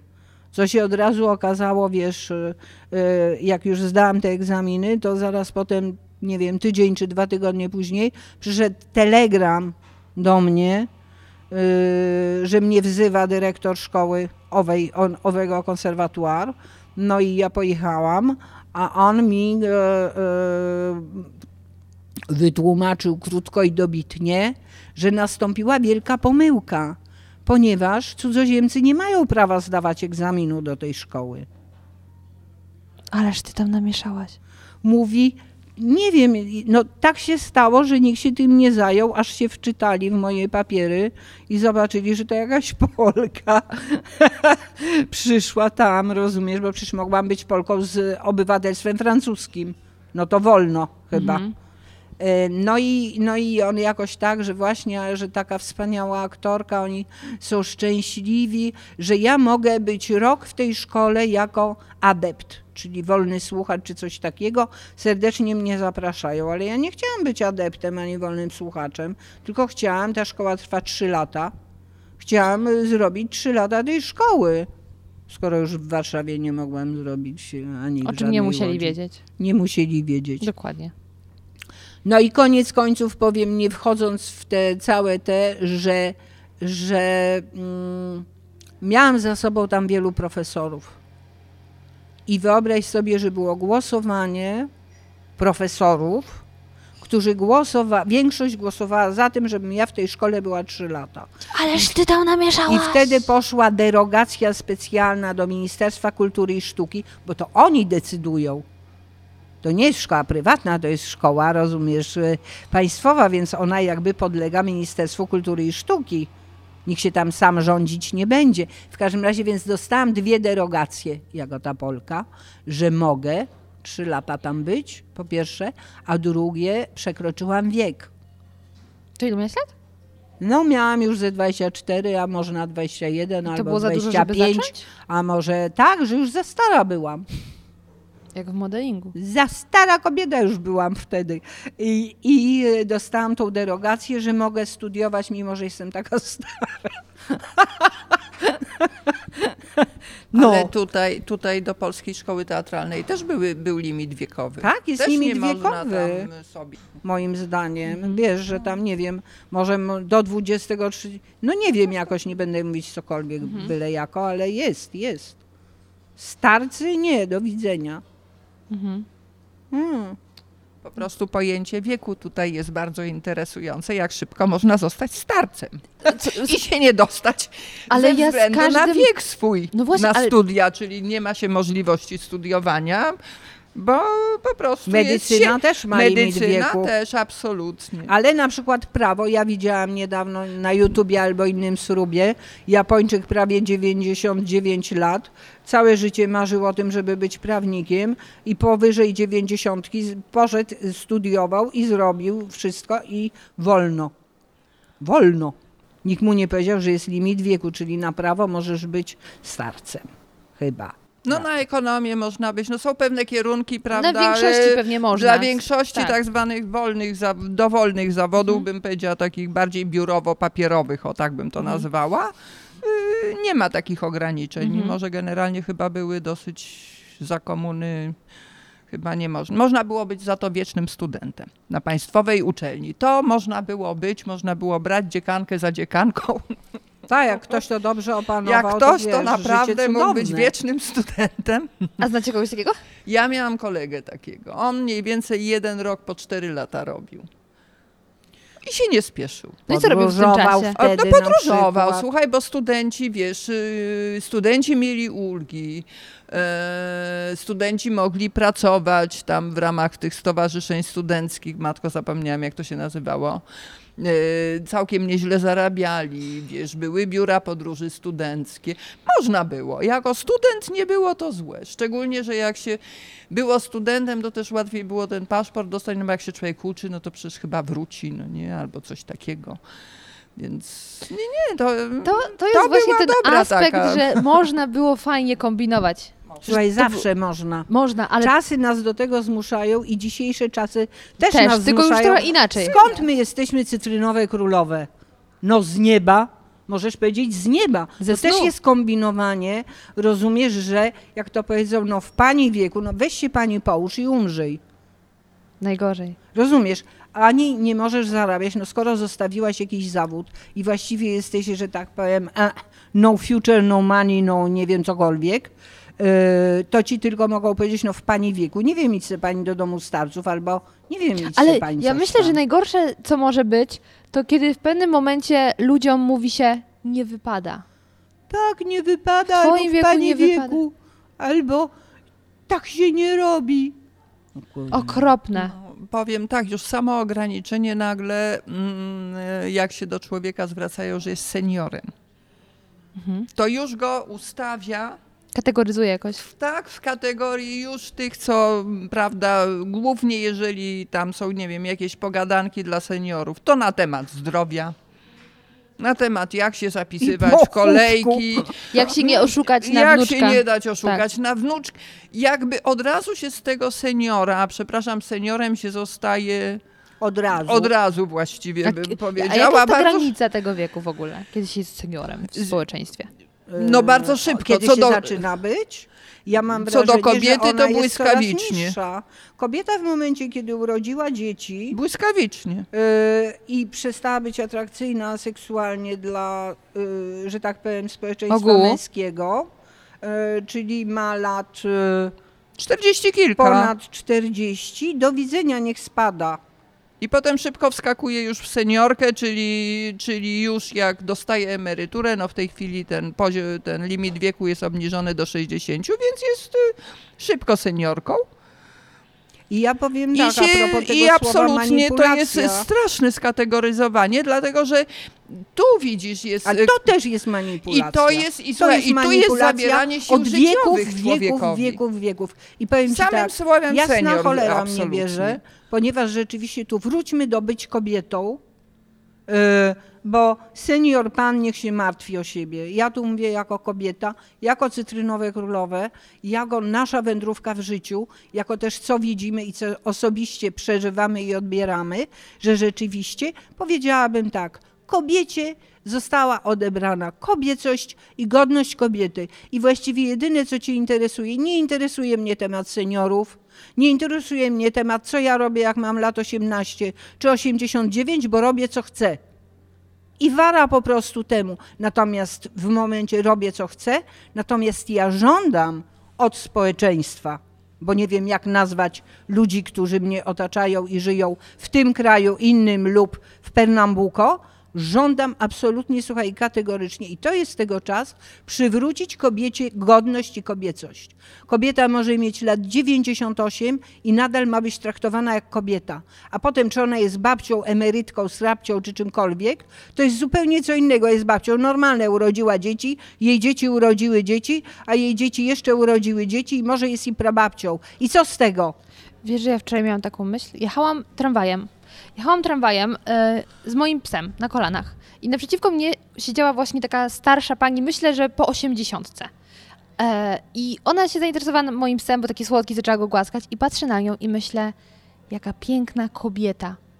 Kobieta. I tak wtedy mnie uderzyło, że w przypadku osób w pewnym wieku właśnie, starszych, zapomina się, że to jest kobieta czy mężczyzna, czy w Tak, ogóle. tak. Tylko to jest osoba starsza, osoba, która już jest tak, bliżej tak, końca. tak, osoba Seniorka, starsza, senior, tak. Senior, wiesz, nosi, a kochani, seniorka, wiesz, w ogóle nie jest kobietą, Ale jest dokładnie. seniorką. I tak patrzę na nią i myślę, to jest piękna kobieta, która kiedyś była dokładnie w takim samym wieku jak ja i jest kobietą. I ona powinna być właśnie traktowana jak kobieta, a nie przez pryzmat Dokładnie. wieku. Dokładnie. I wczoraj miałam tą myśl. No i ja ci powiem na przykład, jak U ja się zaczęłam śmiać kilka koszmarne. dni, no nie kilka dni temu, ale jakiś czas temu, jak mierzyłyśmy u jakiejś dziewczyny jakieś takie czapeczki, tam kolczyki, nieważne.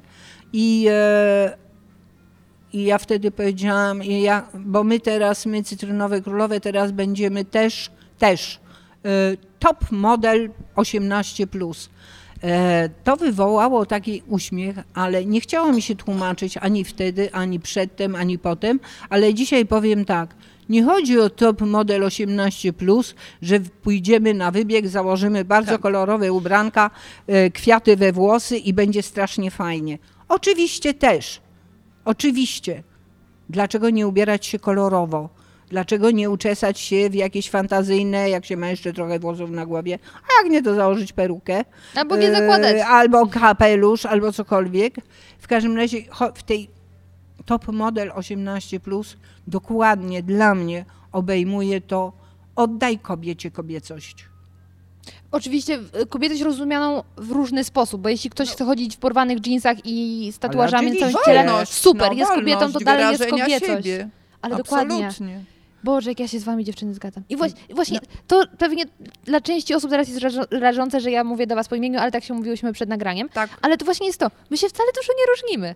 Wy macie tego już jakąś ciekawą historię do opowiedzenia. Ja swoją ciągle gdzieś tam buduję, ale wy macie znowu kolejne historie przed sobą. Tak, ja my pamiętam. też budujemy cały czas swoją Dokładnie. historię. I ja pamiętam właśnie na tym spotkaniu, jak się spotkałyśmy w WW Barze, y, jak opowi- opowiadałyście o tym, że chcecie wyruszyć w podróż. Jeszcze się zakochać, ułożyć sobie zupełnie nowe Oczywiście, życie. Pewnie. I wtedy pomyślałam, ja chcę taka być. Ja chcę taka być, że zawsze będę miała ochotę robić więcej i nie powiedzieć sobie, to mi już wystarczy, ja już swoje przeżyłam. Nie, no bo kurczę, co znaczy ja swoje przeżyłam? Całe życie jak żyjesz, no to jeszcze masz co Jak przeżyć. przeżyłaś, to i ci umrzyj. No, że Każdy będę No chciała chcieć. rozumiesz. Dokładnie. I Jakby dlatego... życie polega na tym, że póki życie trwa, no to powiedziałam w skrócie, to się nim zachwycaj i żyj. Żyj, a nie tylko y, egzystentować No wiesz, też zostaliśmy troszkę chwili, no. sprowadzi, sprowadzeni e, do, że życie się ogranicza do tego, że mamy pracować i zarabiać pieniądze. Ej, A potem pobierać emeryturę i No, kupować tak, leki. Chciałam zaznaczyć, że właśnie rozumiesz, to też jest kolejna manipulacja. Jeżeli wiesz, ja wiem, oczywiście, wszyscy mamy ten sam problem, nie ma co o nim gadać. Yy, trzeba mieć pieniądze, żeby żyć. Po prostu trzeba je mieć. Większe, mniejsze, średnie, ale bez nich nie idzie. Chyba, że się w lesie, w norce zakopiesz i tam będziesz jeść pędraczki i nie wiem co. Yy, No ale to nie każdy tak umie, potrafi i chce. W związku z czym jakby to jest ten musik, ale on dotyka, wiesz, on dotyka nas, dotyka też ciebie.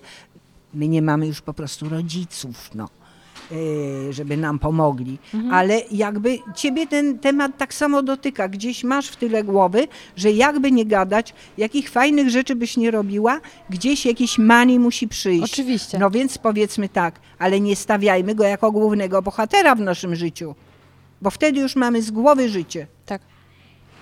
Musi być, okej, no to jakoś go trzeba zarobić. Środek do celu, a nie środek, cel sam sobie. Dokładnie. Mhm. Celem jest życie. A czym jest życie? Czerpaniem. Kochać Korzystanie. życie, Tak. kochać ludzi, kochać tego mężczyznę, jak się go spotka, cudownego, kochać, no i jak mówisz, czerpać. Życie jest cudowne. No tylko nie dajmy sobie wmówić, że właśnie jest trochę niecudowne. Nie dajmy sobie wmówić, w pani wieku to niech pani już pełznie do tej trumny.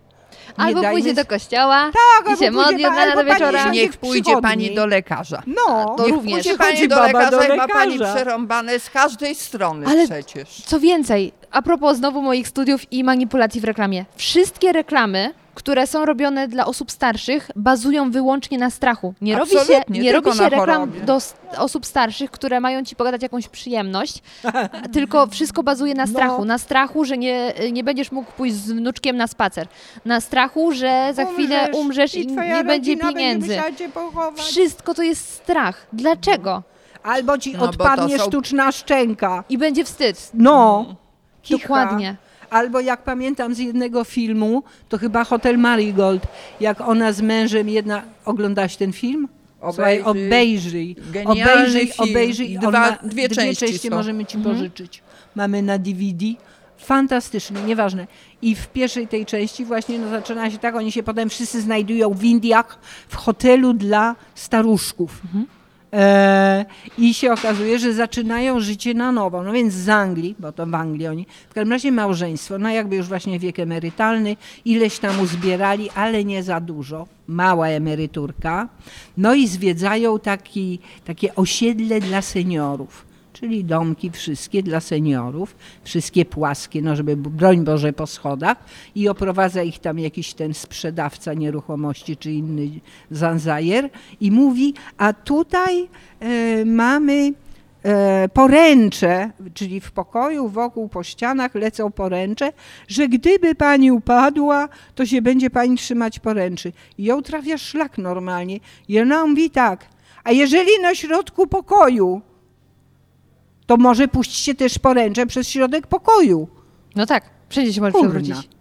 No i oczywiście oni też wyjeżdżają i jadą do tych Indii a, i dalej nie będę opowiadać, ale to jest właśnie to, masz rację, to jest zbazowane na strachu. nie dasz rady, umrzesz, zachorujesz, wypadnie ci szczęka, zgubisz nogę, nie pójdziesz z wnuczkiem, bo nie dasz rady. Tak, zawiedziesz rodzinę. Głucha, I albo... teraz żyj już tylko dla No. innych. W drugim filmie, który polecam, to jest kwartet. Nie wiem, Mhm. czy oglądałaś. Jest jedno piękne słowo. Dzieje się w domu dla, dla Dla starostów, e, artystów. muzyków i śpiewaków Mhm. operowych. Starość nie jest dla mięczaków. A wszystkie reklamy, które są y, puszczane, są to, żeby z każdego zrobić mięczaka. Ofiara Właśnie losu. ofiarę losu, No. absolutnie sceny. A starość nie jest dla mięczaków. Wiadomo, że Oni to powtarzają. przychodzą jakieś słabości, jakieś coś tam, y, bym powiedziała, dopadają człowieka i albo się z tym żyje, albo się to po prostu odsuwa ręką i się dalej żyje, albo się w to włazi, no i się ma przerąbane, bo mówię, y, poszłam do lekarza po latach 15 albo 20, nikt tego nie wie. I co ona powiedziała? No, jak to w pani wieku i pani badań sobie nie zrobiła? To pani sobie zrobi to, to, to, to, to, to, to, to, to, to, to, to, to, jak pani zrobi, to proszę do mnie przyjść. I na pewno z po poradę. I ja na pewno stwierdziłam, że na pewno już do niej nie przyjdę. Mhm. Bo ja doskonale wiem, no przecież y, no, jakimś okazem zdrowia jestem, ale pewnie nie pod każdym względem okazem zdrowia jestem, ale na pewno nie lubię aptek. Mhm. I na Ale- pewno nie lubię chemii. I na pewno nie nie- lubię być kurde traktowana jako osoba chora, szczególnie, że chciałam swego czasu iść na medycynę, więc zawsze jestem mądrzejsza od każdego lekarza. Niestety to mi zostało. Chciałam ci powiedzieć, że my jako cytrynowe królowe, yy, które mają ileś tam lat, coś tam, yy, jeśli bierzemy razem w ciągu roku dwie aspiryny, to już jest mega. Nie bierzemy żadnych leków. Żadnych, szczególnie leków. Właśnie. Owszem, pijemy zioła. Mhm. Ale leków typu, typu jak się bierze, jak w pewnym momencie widzisz, że wystawiają ludzie i z każdym rokiem życia jest ich coraz jest więcej tych e, pigułeczek do łykania i kropelek i nie wiadomo co. Nie łykamy nic. Bo oczywiście ja nie mówię, że medycyna jest zła, bynajmniej fantastycznie, że mamy rozwiniętą medycynę, ale nie zapominajmy, że znowu przemysł farmakologiczny to w dużej mierze bazuje również na biznesie. Największy, to jest prze, biznes. A największy jak? przemysł To jest świata jest to absolutnie największa korporacja. zielarzy? Tak. Bo zioła kosztują prawie nic, a nawet możesz je zerwać sobie Ale na możesz wsi. nawet zrobić obiad, który będzie Ale ci działał na korzyść. Jak najbardziej, Dokładnie. tylko to jest sposób na zarobienie, no bo na czym trzeba zarabiać. Ja czuję, że mogłybyśmy się co, co miesiąc spotykać tak, na zrobić herbatce. cykliczne spotkanie pod tytułem Kogo bierzemy teraz na tapetę? Ale tak zróbmy. Zróbmy tak, będziemy brać na tapetę raz coś, co uwielbiamy i kochamy, a raz coś, co, z czym się nie zgadzamy. Temacik. Temacik. Dobra, ja tam wchodzę. Będę przyjeżdżała do Was na konfiturki, do waszej, No. pod brzozą sobie już w usiądziemy. tej chwili Pod właśnie Mirabelką tak, pod. Mirabelką będzie można, bo już za chwilę zacznie kwitnąć, także, także jest najpiękniej wtedy u nas. Super. Ale dobra, bo słuchajcie, mamy jeszcze 30 minut, pokazuje mi miejsce na karcie, więc y, na chwilę bym chciała wrócić jeszcze do Paryża. Yy, I to już z waszych, z, z jednej i z drugiej perspektywy waszej, no bo ty już przyjeżdżałaś do Paryża. Jestem ciekawa, ym, co wam się najbardziej podobało w tym Paryżu? I i to też jest pytanie w sumie, wydaje mi się ciekawe, jak w perspektywie lat się Paryż zmienił, bo dla mnie był wielkim rozczarowaniem, kiedy przyjechałam, bo trafiłam przede wszystkim do dzielnic, które nie są paryskie, tak jak sobie wyobrażamy na filmach, czyli Champs-Élysées, okolice wieży Eiffla, czy... Champs-Élysées aktualnie jest w ogóle nie paryska, bo przepraszam, jeśli fast food wchodzi na Tak. Champs-Élysées, to jakie to jest Champs-Élysées? To jest dupka już wtedy. Również. A już od wielu, wielu lat jest zdominowany przez tanią cheap turystykę. I w ogóle wszystkie sklepy z pamiątkami są prowadzone przez Afroamerykaninów. Znaczy, wróć. Afro, Afrofrancuzów, afro- przez afroków. osoby czarnoskóre, no bo to nie jest obraźliwe, że ktoś jest czarnoskóry, bo jest czarnoskóry. Przez osoby czarnoskóre, które wydaje się często nawet nie mówią jakoś specjalnie po francusku, tylko jakimś tym też swoim czasami językiem.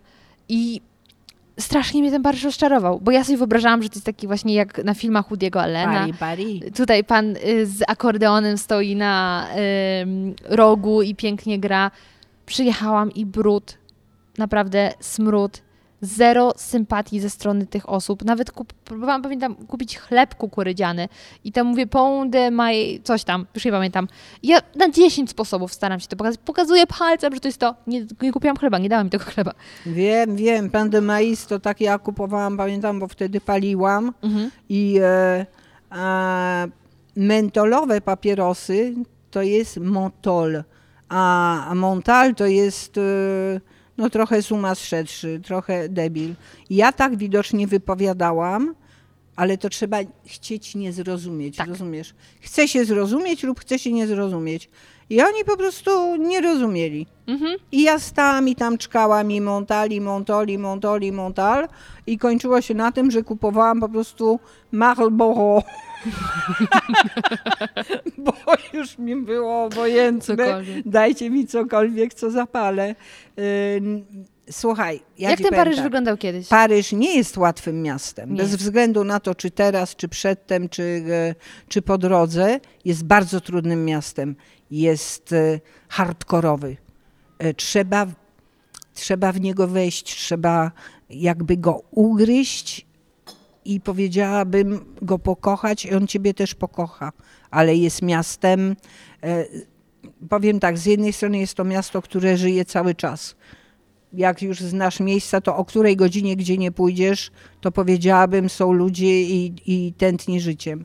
Z drugiej strony możesz umrzeć z samotności, jak w każdym wielkim mieście, w Warszawie też. Y, natomiast wiesz, przez to, że ja tam studiowałam, czyli miałam kolegów ze szkoły, czyli prowadziłam życie studentki, czyli pracowałam też nad, no po prostu moje życie, Paryż był kawałkiem mnie tylko. Moje życie najważniejsze to była moja szkoła teatralna, moi koledzy, nasze picie wina, pracowanie nad scenami, nasze śmiechy, egzaminy, wiesz, a że to było w Paryżu, no tak się złożyło, że to było w Paryżu, rozumiesz, po prostu.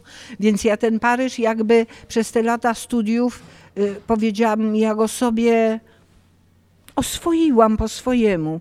To było moje miasto już w pewnym momencie. Rozumiesz, że y, zaaferowana jakąś sceną albo czymś, czego się uczyłam, po prostu biegłam, tu byłam w pociągu, tu byłam w metro, tu biegłam po chodniku i Po prostu byłaś po tam. prostu tam byłam. Czyli to tak jak ja zrobiłam z Warszawą, że wiele osób mówiło, o Warszawa taka trudna, a ja powiedziałam, to jest moje miasto No. po prostu. Ja tutaj wszystko, co robię, łączy się z tym miastem. No więc rozumiesz, że to jest zupełnie inaczej, bo my je oswajamy to miasto i czy to będzie Nowy Jork, Paryż, Warszawa, czy nie wiem, coś tam, coś tam, duże miasto, jakiekolwiek inne, Moskwa, w momencie, kiedy ty funkcjonujesz jako ty, czyli robisz, żyjesz swoim życiem, ty to miasto jakby bierzesz, oswajasz. Mhm. I ono nie gra głównej roli, to ty grasz Troszkę główną rolę.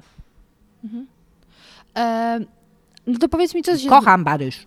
No to wiem. Wow. A, a ty jak się czułaś, jak tam przyjechałaś? Słuchaj, no moje wyjazdy były bardzo specyficzne, bo ja jechałam oglądać moją siostrę na scenie, więc y, bym powiedziała tak, Bogusia mnie odbierała albo ktoś znajomy mnie odbierał, pociągiem jeździłam długo y, z dworca i albo prosto do teatru jechałyśmy, albo do niej do domu. No, niektóre dni spędzałyśmy całe w teatrze, bo nagrała w, prze w przerwie. To był też etap, że grałyśmy w kości i Pokera. ze znajomymi w pokera, więc Bogusia schodziła ze strony kości w, w garderobie rozrzucone, grałyśmy dalej. Tak, żebym powiedziała tak, Paryża bardzo dużo nie zwiedzałam. Był to taki mm, specyficzne pobyty, natomiast to, co było pierwsze, oprócz tego zachwytu właśnie, że mogę siostrę oglądać na scenie i to po prostu ten zupełnie inny świat, to było tak, ja jeździłam też po ten oddech wolności, bo dla mnie też Paryż się kojarzył z tym, że jak będę chciała o północy iść do kina, To sobie to sobie pójdę. Jak będę chciała o drugiej w nocy iść do knajpy, to sobie pójdę. No, w przeciwieństwie, prawda, do Polski, która była zamknięta. I de facto powiem, też nie byłam tak regularnie przecież w tym Paryżu, no bo to jednak właśnie te paszporty, zaproszenia i tak dalej. Właściwie raz tylko zeszłam Paryż z mapą na piechotę. No, dobrze było, bo Bogusia mieszkała w centrum, więc jakby sobie przelałaziłam. I to, co pamiętam, no oprócz tam wtedy pola elizejskie były, prawda, piękne, bardzo super, truper i tak dalej. to w halach było Muzeum y, Holografii, jedno z pierwszych założone. I ja po prostu się tak tą holografią zafascynowałam. Ja się w holografii za, zakochałam, że doszło nawet do tego, że zaczęłam książki o optyce, o laserach w języku niemieckim czytać, mimo że i po polsku chyba za bardzo z tym bym nie miała. Po prostu temat, no temat ja, ja widziałam, co ja z tym mogę zrobić. No że wróciłam do Polski, to się okazała proza życia jakby nie, nie, nie, nie do przeskoczenia jakby w tym momencie. Natomiast tak, mój, mój zachwyt holografią właściwie jest y, do tej pory wyskakuje z tych hologramków, co tam na dowodach są i tak dalej, natomiast y, cała przestrzeń, y, tworzenie, tworzenie przestrzeni przy pomocy hologramów. y, To jest niesamowite. To jest przepiękny temat. Ale Mimo, że holografia już jest bardzo Ale ja nigdy opanowana. bym o tym i... nie pomyślała, że to może być fascynujące, a ty mówisz, że to jest i od razu Jest. mnie to fascynuje. Je, Wow. Wiesz co, jest tyle właściwie, powiem tak, tyle jest tematów, które są fascynujące właściwie jak głowę odwrócisz od tego kierunku, w którym jesteś. Albo Instagrama. Albo Insta... No wiesz co, po prostu...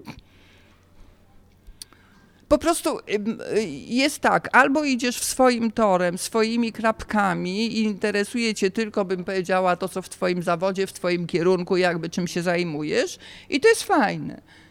Ale czasami nawet idąc tym torem, odwracasz głowę w bok i nagle patrzysz na coś, co cię po prostu zachwyca do imentu. Bo życie jest takie ciekawe. Rozumiesz, tyle rzeczy bo dookoła. tak, jechałyśmy na wspólne wakacje kilka lat dobrych temu, rozumiesz, do Grecji. Wylądowałyśmy w Egipcie. No, To się zdarza nie wiadomo przecież. jak no to tak, się stało. tak wyszło. Wylądowałyśmy w Egipcie w największe upały. Zakochałyśmy się w czasie tych upałów w tym Egipcie niebywale, więc natychmiast wróciłyśmy drugi raz. Jak wróciłyśmy drugi raz, to się okazało, że mieszkałyśmy w takim hoteliku w Szarmie, który miał swoje zejście yy, na plażę, do morza, wiesz, taka zatoczka i właściwie to było takie duże akwarium. Woda była przezroczysta i właściwie w tym akwarium, możesz powiedzieć, pływały wszystkie rybki Morza Czerwonego. I w tym onym hotelu była bardzo duża e, grupa Polaków, którzy co? Mieli troszeczkę w głowie nie po kolei, czyli zamiast pokazywać zdjęcia ukochanych, narzeczonych y, piesków, kotków, wnuków, wnuczek, pokazywali zdjęcia rybek. I oni zarazili nas absolutnie y, snorklingiem. Czyli pomogli wybrać maskę, rurkę, płetwy. Mówię, to było jak naprawdę akwarium, po prostu piękny złoty piasek. Wkładłaś się na wodzie, no Morze Czerwone jest tak gęste, że naprawdę nawet nie trzeba się kłopotać tym, czy ktoś umie pływać, czy nie. Kładziesz się i po prostu jesteś w innym świecie. I myśmy potem regularnie, wiesz, jeździły, to tylko wyszukiwałyśmy hotel, gdzie jest rawka, zejście do tej rawki, żeby oglądać, bo to jak, jak jakiś amok. A Wiecie dalej co? idziesz, rozumiesz, i widzisz, kurczę, że ci nagle ludzie, rozumiesz, tylko z maską, bez butli, bez niczego, schodzą, schodzą pod wodę, rozumiesz, i siedzą pod tym. Freediving. Rozumiesz, i to jest nagle temat wolna pod wodą. To uroda tego, co się dzieje pod tą wodą, słuchaj, uroda rybki, która ci do maski przypływa, rozumiesz? No to Bóg nas spotkała krokodyla. Krokodyla, słuchaj, nie No, słuchaj. Wyobraź sobie. E, no, ten Rybę złoty krokodylo. piaseczek, właśnie akurat nie rafy kwitnące, tylko piaseczek. No, oglądam sobie rybki cudownie, jak w raju i nagle z tego piaseczku wyłania się krokodyl, olbrzymi, normalny krokodyl. Słuchaj, ja po prostu tak płynęłam po powierzchni wody. Ja dostałam takiego propelera, żeby uciekać od tego krokodyla. No ale jak wylazłam na brzeg, to, myśl, to wrócił mi zdrowy rozsądek. Myślę sobie, jaki krokodyl w Morzu Czerwonym?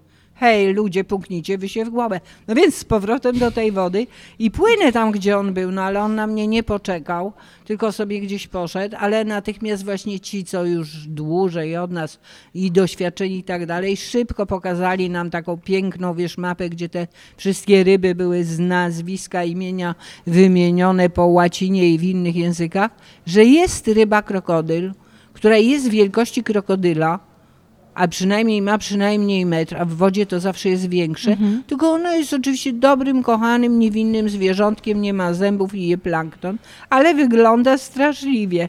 Jest to ryba krokodyl rzeczywiście. Ale co chciałam powiedzieć o, o tym Egipcie, co do mnie dotarło. Więc myśmy jeździły ile wlazło, po prostu żeśmy wracały i z powrotem, głównie w miesiącach typu listopad, kiedy tu jest zimno, szaro i, i tego, to my dawali na to Morze Czerwone, że Mimo, że no tak jak szarm, szarm jest normalną cepelią dla turystów. Możesz powiedzieć, jeśli spojrzysz na to z innej strony, jest to koszmar. Czyli postcepelia okropna. Ale myśmy patrzyły na ten Egipt, łącznie z tą cepelią, totalnym zachwytem. Myśmy Egipt pokochały. I Egipt pokochał nas. I chcę powiedzieć, że właśnie zależy jak na co patrzysz, to masz. Rozumiesz? Jeśli coś kochasz, właśnie tak jak myśmy ten Egipt pokochały, to on idzie do ciebie z taką samą się. miłością, odwdzięcza się i wtedy jest cudownie i magicznie. Myśmy tak opowiadały znajomym, rozumiesz, w Polsce o tym Egipcie, że oni wszyscy do tego Egiptu co jechali. Wracali i mówili tak, beznadzieja, śmierdzi, Gorąco. agresywni, ludzie, złodziej, no w ogóle po prostu wiesz, dno, dno. No więc oni byli w innym I jeszcze Egipcie. zemsta faraona, nie zapominajmy. No i za- Ta, ta, myśmy to miały też opanowane właśnie w małym Zemsta palcu. faraona trzeba się przyjaźnić z tubylcami, dlatego że leki, które dostajesz od lekarzy w Polsce na zemstę faraona, działają na polskiego faraona, ale na pewno nie na egipskiego. To są ich, rozumiesz, flory bakteryjne. Od razu nam któryś z kelnerów powiedział, dziewczyny, zemsta, chodźcie do apteki. Za dwa la, złote Powiedział po lekarstwo. swojemu, dali nam za pół grosza lekarstwo, które działa w pięć minut. Koniec zemsty. No oprócz tego jedna jest pewne, myśmy nie chodziły tak jak tłum ludzi, czyli jak wszyscy tam po obiedzie czy kolacji tam w sklepy wbiegali i tak dalej. Na pewno nas tam nikt nie widział. Myśmy nie chodziły z tłumem, więc myśmy też nie wpadały właśnie e, w te rejony, gdzie naprawdę ci Egipcjanie już i zmęczeni, i naćpani, i wszystko po prostu agresywni. Ten tłum turystów, który koniecznie chciał sobie kupić coś tam Breloczek. breloczek i te krzyki za darmo i tak dalej. Myśmy to omijały. Myśmy chodziły zupełnie innymi trasami i myśmy w zupełnie innych porach chodziły. I bardzo szybko zresztą wylądowałyśmy w Dahabie, który jest y, też na Synaju. Mm, y, No w tej chwili on się już tak rozrasta, że też nie mogę powiedzieć, bo kilka lat mm, nie byłam tam. Natomiast jest to miejsce mm, na północy jakby Dahabu, miejsce dla płetwonurków. Tam jest najgłębsza dziura w Morzu Czerwonym, Blue Hole. E, Tam są przepiękne rasy, rafy, tam są malutkie hoteliki i tam po prostu masz morze, wąziutki pas plaży i pustynia. I tam jest taki zapach pustyni łączącej się z morzem, którego nigdy nie zapomnisz. Drogie panie, wiecie, że my już gadamy bardzo, bardzo długo No tak. i my nie jesteśmy w ogóle w połowie historii. Nie, Jedna nawet żeśmy nie zaczęły. Ale absolutnie, jesteśmy gdzieś na początku Paryża. Więc ja myślę, że kończymy dzisiaj. I po prostu dokończymy tę rozmowę. Na ten moment ja zapraszam Was do podcastu Zmacznego. Link będzie w opisie odcinka, gdzie jest odcinek o, konfitu- o konfiturach, które robicie. Historia w ogóle ich powstania też jest bardzo długa i ciekawa, więc ja ją trochę streściłam jak gdyby w, tej, y, w tym podcaście kulinarnym. Gorąco Was zapraszam, bo dowiecie się mnóstwa ciekawych rzeczy i nie tylko związanych z jedzeniem. No i drogie panie, no słyszymy się jeszcze. No, słyszymy Bardzo Wam się. dziękuję za dzisiaj. Tak, Dziękuję może już pięknie. pod Mirabelką. Może, Może już pod Mirabelką. I jak wrażenia? Mam nadzieję, że ta rozmowa była dla Ciebie równie inspirująca, co dla mnie. Przyznaję, że e, to już drugi raz, kiedy widziałam się z dziewczynami i ponownie wyszłam naładowana pozytywną energią i z chęciami do działania, bo jak sami słyszeliście, nigdy nie jest za późno na spełnianie własnych marzeń i nie ma czegoś takiego jak starość, a przynajmniej nie powinna ona być w żaden sposób definiowana przez wiek, bo wiek jest wyłącznie liczbą, natomiast młodość to jest ciekawość i sposób patrzenia na życie. Zapraszam Was gorąco do tego, abyście wysłuchali odcinek Zmacznego, w którym rozmawiamy głównie o konfiturach, e, które przygotowują cytrynowe królowe, czyli siostry Schubert.